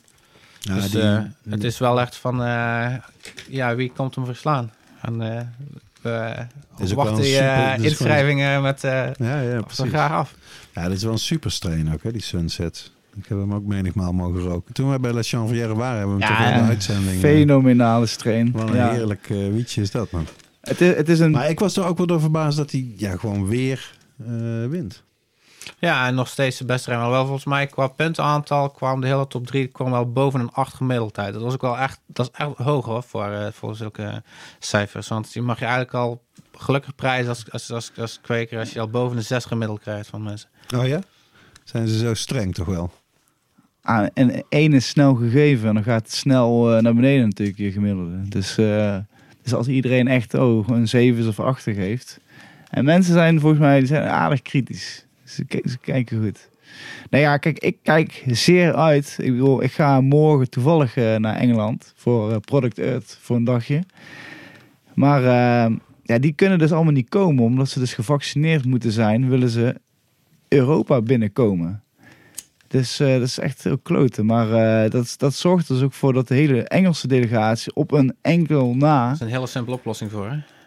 Vaccineren. Ja, nou ja, daar, eh, die, die eh, discussie gaan we hier niet houden in ieder geval. Nee, niet. niet Het is wel waar natuurlijk. Maar Ja, nou, ja, dat is ieder zijn eigen, ieder eigen keuze, toch? Dus eh, als je daar de Homegrown Cup moet bessen. ja, nou ja, zou ik, zou, ik ook. Ik had, ik, had al, ik had er al vier in mijn voet gezet. eh, maar, maar het is, kijk, als iemand dat niet wil, dan eh, kan ik daar niks anders dan eh, gewoon eh, zijn eigen beslissing, lijkt me. Dus, maar als die er dadelijk ook weer bij gaan komen, want ik, ik neem aan dat dit niet vereeuwigd zal zijn, of dat die regels, of op een gegeven moment zullen ze zich op een gegeven moment al vaccineren, weet ik veel, boeit me ook niet. Maar eh, dan wordt het leuk. Dan wordt het echt als, eh, als een ledenstieve genetics of een bezel. Back in the ring. Ja, het, Over het, voegt, de het voegt zeker wel Southeast Tank. toe, eh, de Engelse scene op dat Ja, gebied. Nu hadden er maar eentje. Ja, daarom. Je En mist er als ook je, van die kan ja, als je, als, je, als je die tegen de Franse en Spaanse en de Deense en de Italië, ja, dat is top. Ik vind het mooi. Want waren er überhaupt Nederlandse winnaars? Zeker wel. Toch wel. Die, eh, sowieso, die tweede was, eh, dat was een Nederlandse. En eh, die derde was ook een Nederlandse inzending. En, Maar het is in de andere categorieën is het spaarzaam. De, de, ja, het maken van de, de extract natuurlijk. En het is ook meer gewoon inderdaad, in die landen wordt het gewoon veel meer gemaakt en gedaan. En het is ook, daar heb je de debrigs ook in de club staan. En als je een debrig in, eh, in een koffieshop opentrekt, dan word je gevraagd bijna om, eh, om dat alsjeblieft niet te de doen. Nee, maar het is toch een andere cultuur. Dus ook qua hash maken. Ja, de, Een van de uitzonderingen die altijd wel meedoet eh, is extractor natuurlijk. Maar eh, voor de rest, eh, er zijn wel een paar Nederlanders die het ook wel degelijk kunnen. Hoor, en die ook wel echt heel mooi eh hash kunnen maken. Maar de allerbeste komt niet van hier, om dat gebied dan. Ja. Laatste dingetje wat ik even wil bespreken in deze Homegrown Cup Special is jullie eh, artwork. Want dat is wel, dat, daarmee onderscheid je ook heel duidelijk van topkwaliteit, kan ik wel zeggen, Mossy Giant. ja. Hoe is dat zo eh, gekomen? Kan je er iets over vertellen? We zijn hem toen tegengekomen op uh, Spannenbis.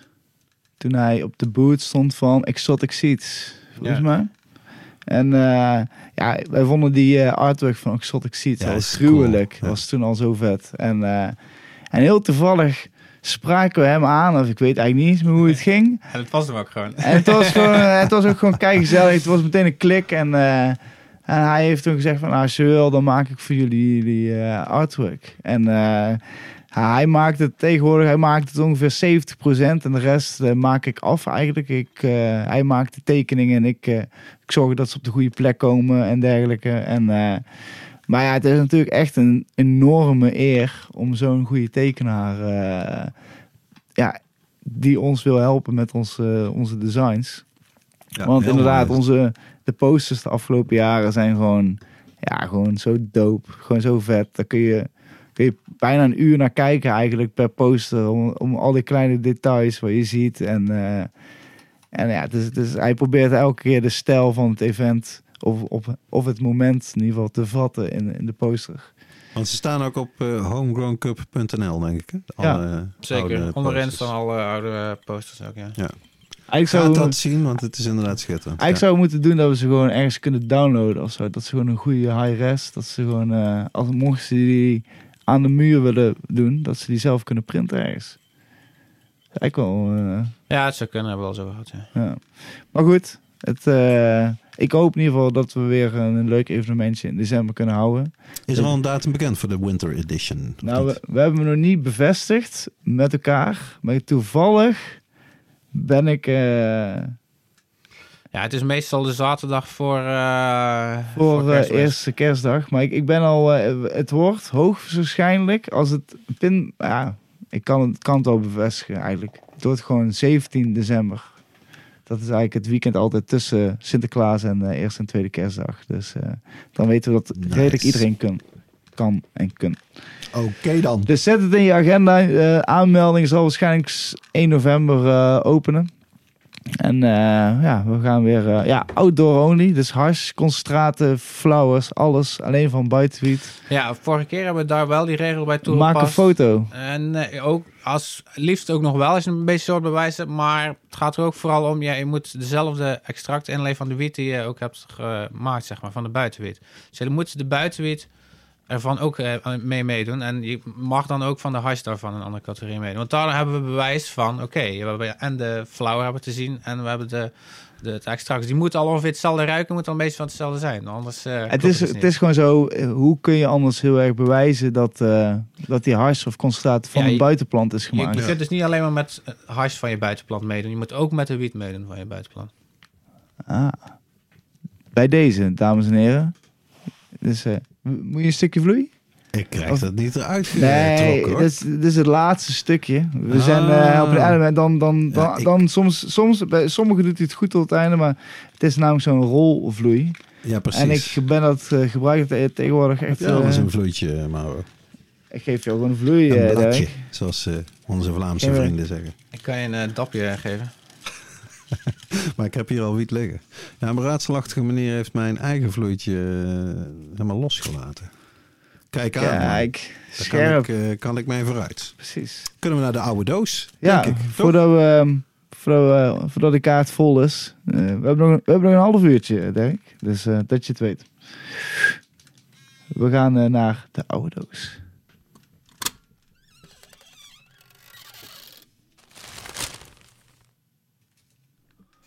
Ja, in de oude doos zit een eh, artikel uit het Vrije Volk. Jongere luisteraars hebben geen idee. Dat was ooit de grootste krant van Nederland. Maar is als zelfstandige titel al eh, verdwenen in eh, 1991. En het stuk wat ik daaruit heb is eh, geschreven door een Herma Vergouwen. Hermafrodiet. Precies, stond eh, in de krant op eh, 7 juli 1971, acht dagen voordat ik werd geboren. Dus dit eh, krantartikel is ouder dan ik zelf ben. En voor zover ik weet, maar luisteraars eh, let op en stuur in eh, als je het tegendeel eh, kan bewijzen, is dat de allereerste keer dat in een Nederlandse krant het woord nederwiet is afgedrukt in, in het vrije volk. En dat stuk heet Drugs. Ik denk dat zij eigenlijk meer een soort rubriek had, deze Herma Vergouwen.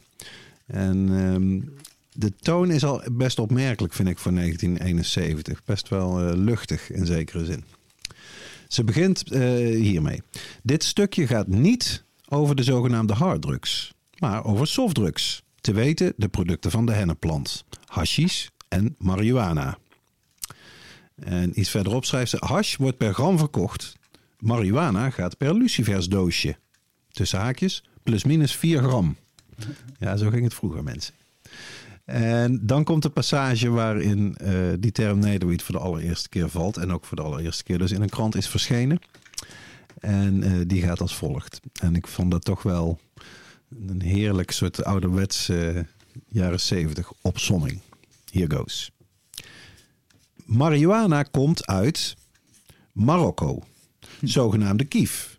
Lichtgroen, zaadjes en twijgjes verwijderd, wat heet gecleand. Bladeren en bloemtoppen zeer fijn gesneden. Centraal-Afrika, zogenaamde Congo. Donkergroen, maakt een wat stoffige indruk. Alle zaadjes en twijgjes nog aanwezig. Zeer speciale geur. Colombia. Roodbruin van kleur. Meestal geperst in blokken van een half kilo. Hoge concentratie van het werkzame bestanddeel. Mexico. Zogenaamde Acapulco Golds. Evenals Colombia, geperste blokken van ongeveer dezelfde samenstelling, moeilijker verkrijgbaar in Nederland. Indonesië, voornamelijk vanuit Aceh op Sumatra. Ziet er enigszins uit als Congo, hoewel reuk en smaak verschillen, evenals de uitwerking.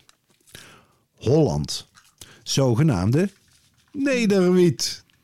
Groeide altijd al in het wild, maar viel aanvankelijk niet als zodanig op wordt thans geoogst uit de natuur en uit bloempotten, daktuinen, plantsoenen, parken enzovoort, maar door klimaatinvloeden aanmerkelijk minder geconcentreerd dan de tropische producten. Nou, heel mooi. Ja, heel toch? mooi. Ja, zeker. Heel leuk. En eh, ja, als iemand dus eh, weet dat de term nederwiet eerder is gebruikt dan eh, 7 juli 1971, eh, laat het ons weten. Dan doe je sowieso mee voor de, de prijs voor de winnende luisteraarsreactie. En ik ben er ook wel benieuwd naar. Ja. Want ik vond het vrij vroeg, 1971, voor die term nederwiet. Omdat er ook wel mensen zijn die zeggen nederwiet is toch uitgevonden door Doe maar. maar die plaat waar het nummer op staat eh, van Doe maar nederwiet, die is uit 1980. Dus dat scheelt negen jaar. En dan weet je nu van wie hun het hebben. Eh, ja, wie weet. Tot zover. De Tot zover. We doen hem weer dicht. Ja, dan gaan we naar reacties van luisteraars. En dit keer hebben we een leuk mailtje gekregen van een eh, luisteraar. En eh, we vragen natuurlijk iedere, iedere uitzending aan onze luisteraars om een leuke vraag of een suggestie of een weet ik veel wat eh, in te sturen. En bij deze. Beste Dirk en Rens. Ik ben door al jullie afleveringen heen. Luisteren naar jullie deed ik als ik met de hond wandel, naar mijn moestuin ga of tijdens het koken. Maar één iets heb ik jullie nog niets over gehoord en dat is het volgende. Er, zou, er zijn een heleboel mensen met een aandoening, lichamelijk of op psychisch vlak, of beide. Zou het een idee zijn om deze ervaringen uit te wisselen met mensen met dezelfde aandoening en dan vooral welke soort het beste werkt voor hun? Ik zelf ben zo iemand en ik ben nog steeds op zoek naar de beste soorten tegen mijn aandoeningen. Dus als jullie dit iets lijkt, kan ik jullie wel kan ik jullie iets vertellen over mijn situatie. Eh, een kleine toevoeging. Je kan ook vaak, je kan ook mensen vragen welk wietje ze gebruiken tijdens een bepaalde activiteit, zoals wandelen, fietsen, gamen enzovoorts. Ik hoop op een bericht van jullie Ze gaan zo door. Met vriendelijke groet, Dennis. Ja, mooie mail. Ik vind het altijd leuk als eh, mensen in ieder geval eh, meedenken. En, eh, en inderdaad, het, het medische vlak hebben we, hebben we eigenlijk nog nooit echt heel diep over ge- eh, gehad, denk ik. Nee. Dus, en we zijn natuurlijk ook, we kennen de mensen van PGMGC. Dus ehm, Kunnen we natuurlijk wel een keer uitnodigen. dit moeten we in werking zetten. En we gaan een keer een medicinale special erover maken. Oh ja, het is. Ik, ik, ik, zal eerlijk zeggen, ik, ik rook echt. Nou, misschien we roken eigenlijk allemaal therapeutisch. Dat zeker. Daar ben ik ook wel van overtuigd. Maar eh, ja, ik rook voornamelijk recreationeel. Voor mij is het niet direct, misschien voor mijn migraine, dat het eh, me af en toe vaak werkt. Of eh, af en toe vaak, dat is ook wel tegenstrijdig. Maar nee, maar ehm, ja, zo interessant. We gaan het, we gaan het een keer doen. Nou ja, en zeker eh, onze luisteraars, als die eh, specifieke combinaties hebben, inderdaad. Voor pijn of specifieke pijn dit, voor slapen dat, voor ADHD of tegen ADHD dan eigenlijk eh, deze Hmm. soort of soorten. Eh, laat het ons weten in de comments of met een mailtje of anderszins. En, en hoe weten ze zeker dat het dat soortje is? Ja, dat is meteen eh, je probleem. Het geeft, nou ja, maar het geeft natuurlijk wel iets aan, zou ik zeggen. En als je, ja, voor mijn part, zo specifiek als je het zelf hebt gekweekt, dat je zegt van die en die zadenbank Nou, deze soort. Ja. Op zich, op merk je wel dat, dat mensen die juist eh, ADHD of, ADD hebben, dat die eh, goed juist gaan op hees en die worden er rustig van. In tegenstelling tot mensen die, die dat niet hebben, die Ja. worden van hees vrij hyper. Vergelijkbaar met Ja, ik, Ritalin. ik, ik heb een goede vriend Ja. van mij die is, is super ADHD heeft. En die eh, moet normaal echt een hele strip Ritalin slikken. En die rookt eigenlijk altijd het liefst amnesia.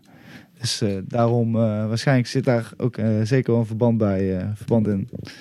Dus eh, in ieder geval, ehm, dankjewel eh, Dennis voor het insturen van je mailtje. En eh, we gaan zorgen dat er een, een leuk pakket jouw kant op komt. En, ehm, en ook voor alle luisteraars, stuur mooie berichten in of weet ik veel vraag.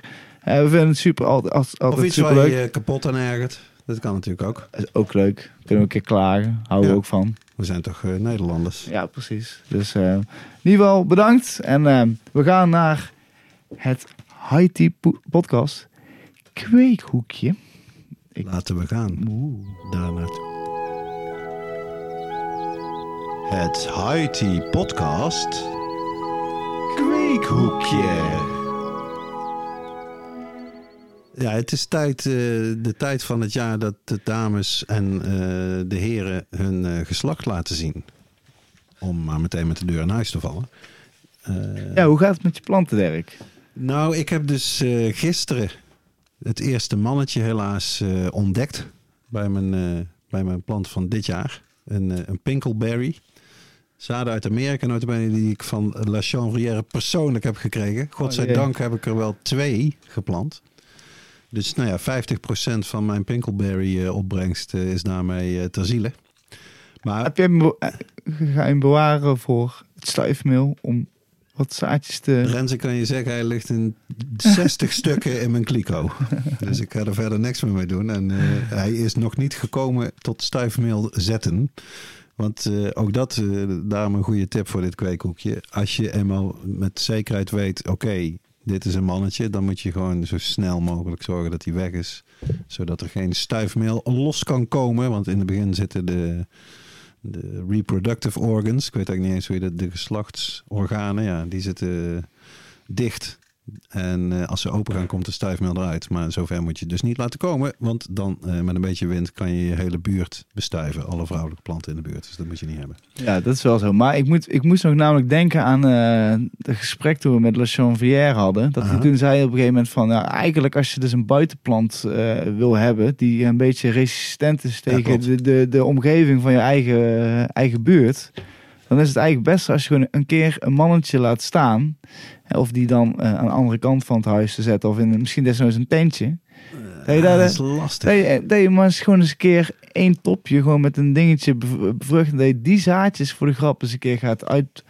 Dat het misschien... zou mooi zijn, waar het niet dat ik ook gewoon weet dat er vlak in mijn buurt nog meer mensen zijn die ook een paar planten buiten hebben staan. En uh, die wil, die wil niet, ik daar uh... niet mee opzadelen hoor. Nee. Nee, nee, nee. nee. nee dus uh, ja, de tip uh, is dat je in deze tijd, we zullen deze afleveringen extra snel online uh, proberen te gooien. Nu is de tijd dat als je je planten niet hebt verduisterd, dat ze gaan bloeien, zeg maar automatisch, omdat ze voldoende donker hebben per 24 uur.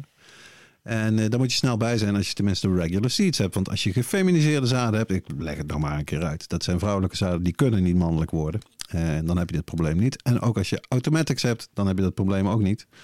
En die zijn nu zelfs al wel uh, klaar. Een beetje afhankelijk van wanneer je ze hebt geplant. Maar ik heb al meerdere mensen gehoord die hun uh, auto's al hebben geoogst. En dat kan natuurlijk ook. Maar als je gewone zaden hebt, reguliere zaden, mannetjes en vrouwtjes, dan is nu de tijd om heel goed op te letten en snel toe te slaan. En uh, als het mooi is gelekt, doe natuurlijk mee met de Gouden Gieter en of de Homegrown. Zeker weten. Die kunnen we ook nog wel eventjes uh, pluggen. Dat is natuurlijk de fotowedstrijd die uh, de stichting VOC alweer een paar jaar uh, organiseert.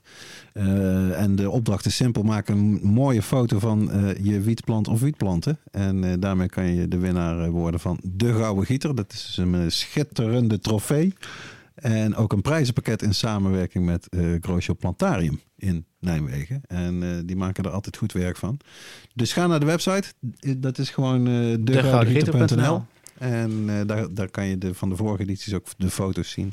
En de regels die gelden voor die wedstrijd. En hoe meer mensen inzenden, hoe hoger het niveau vanzelf wordt. Dus doe dat. Ja, zeker. Ik, ik of in ieder geval ik, hè, wij, we komen daar bij het einde, bij het einde van uh, aflevering 64 van de IT Podcast. Dat was hem alweer. Het was uh, zeer gezellig. Dankjewel uh, Mauro voor het komen naar onze IT Podcast studio. En veel dank natuurlijk ook aan de sponsor van deze aflevering, Biotaps. Organische plantenvoeding voor thuiskwekers. Verkrijgbaar op Dank allemaal voor het luisteren en eh, tot de volgende keer. Smokem en kweken. Houdoe. Houdoe.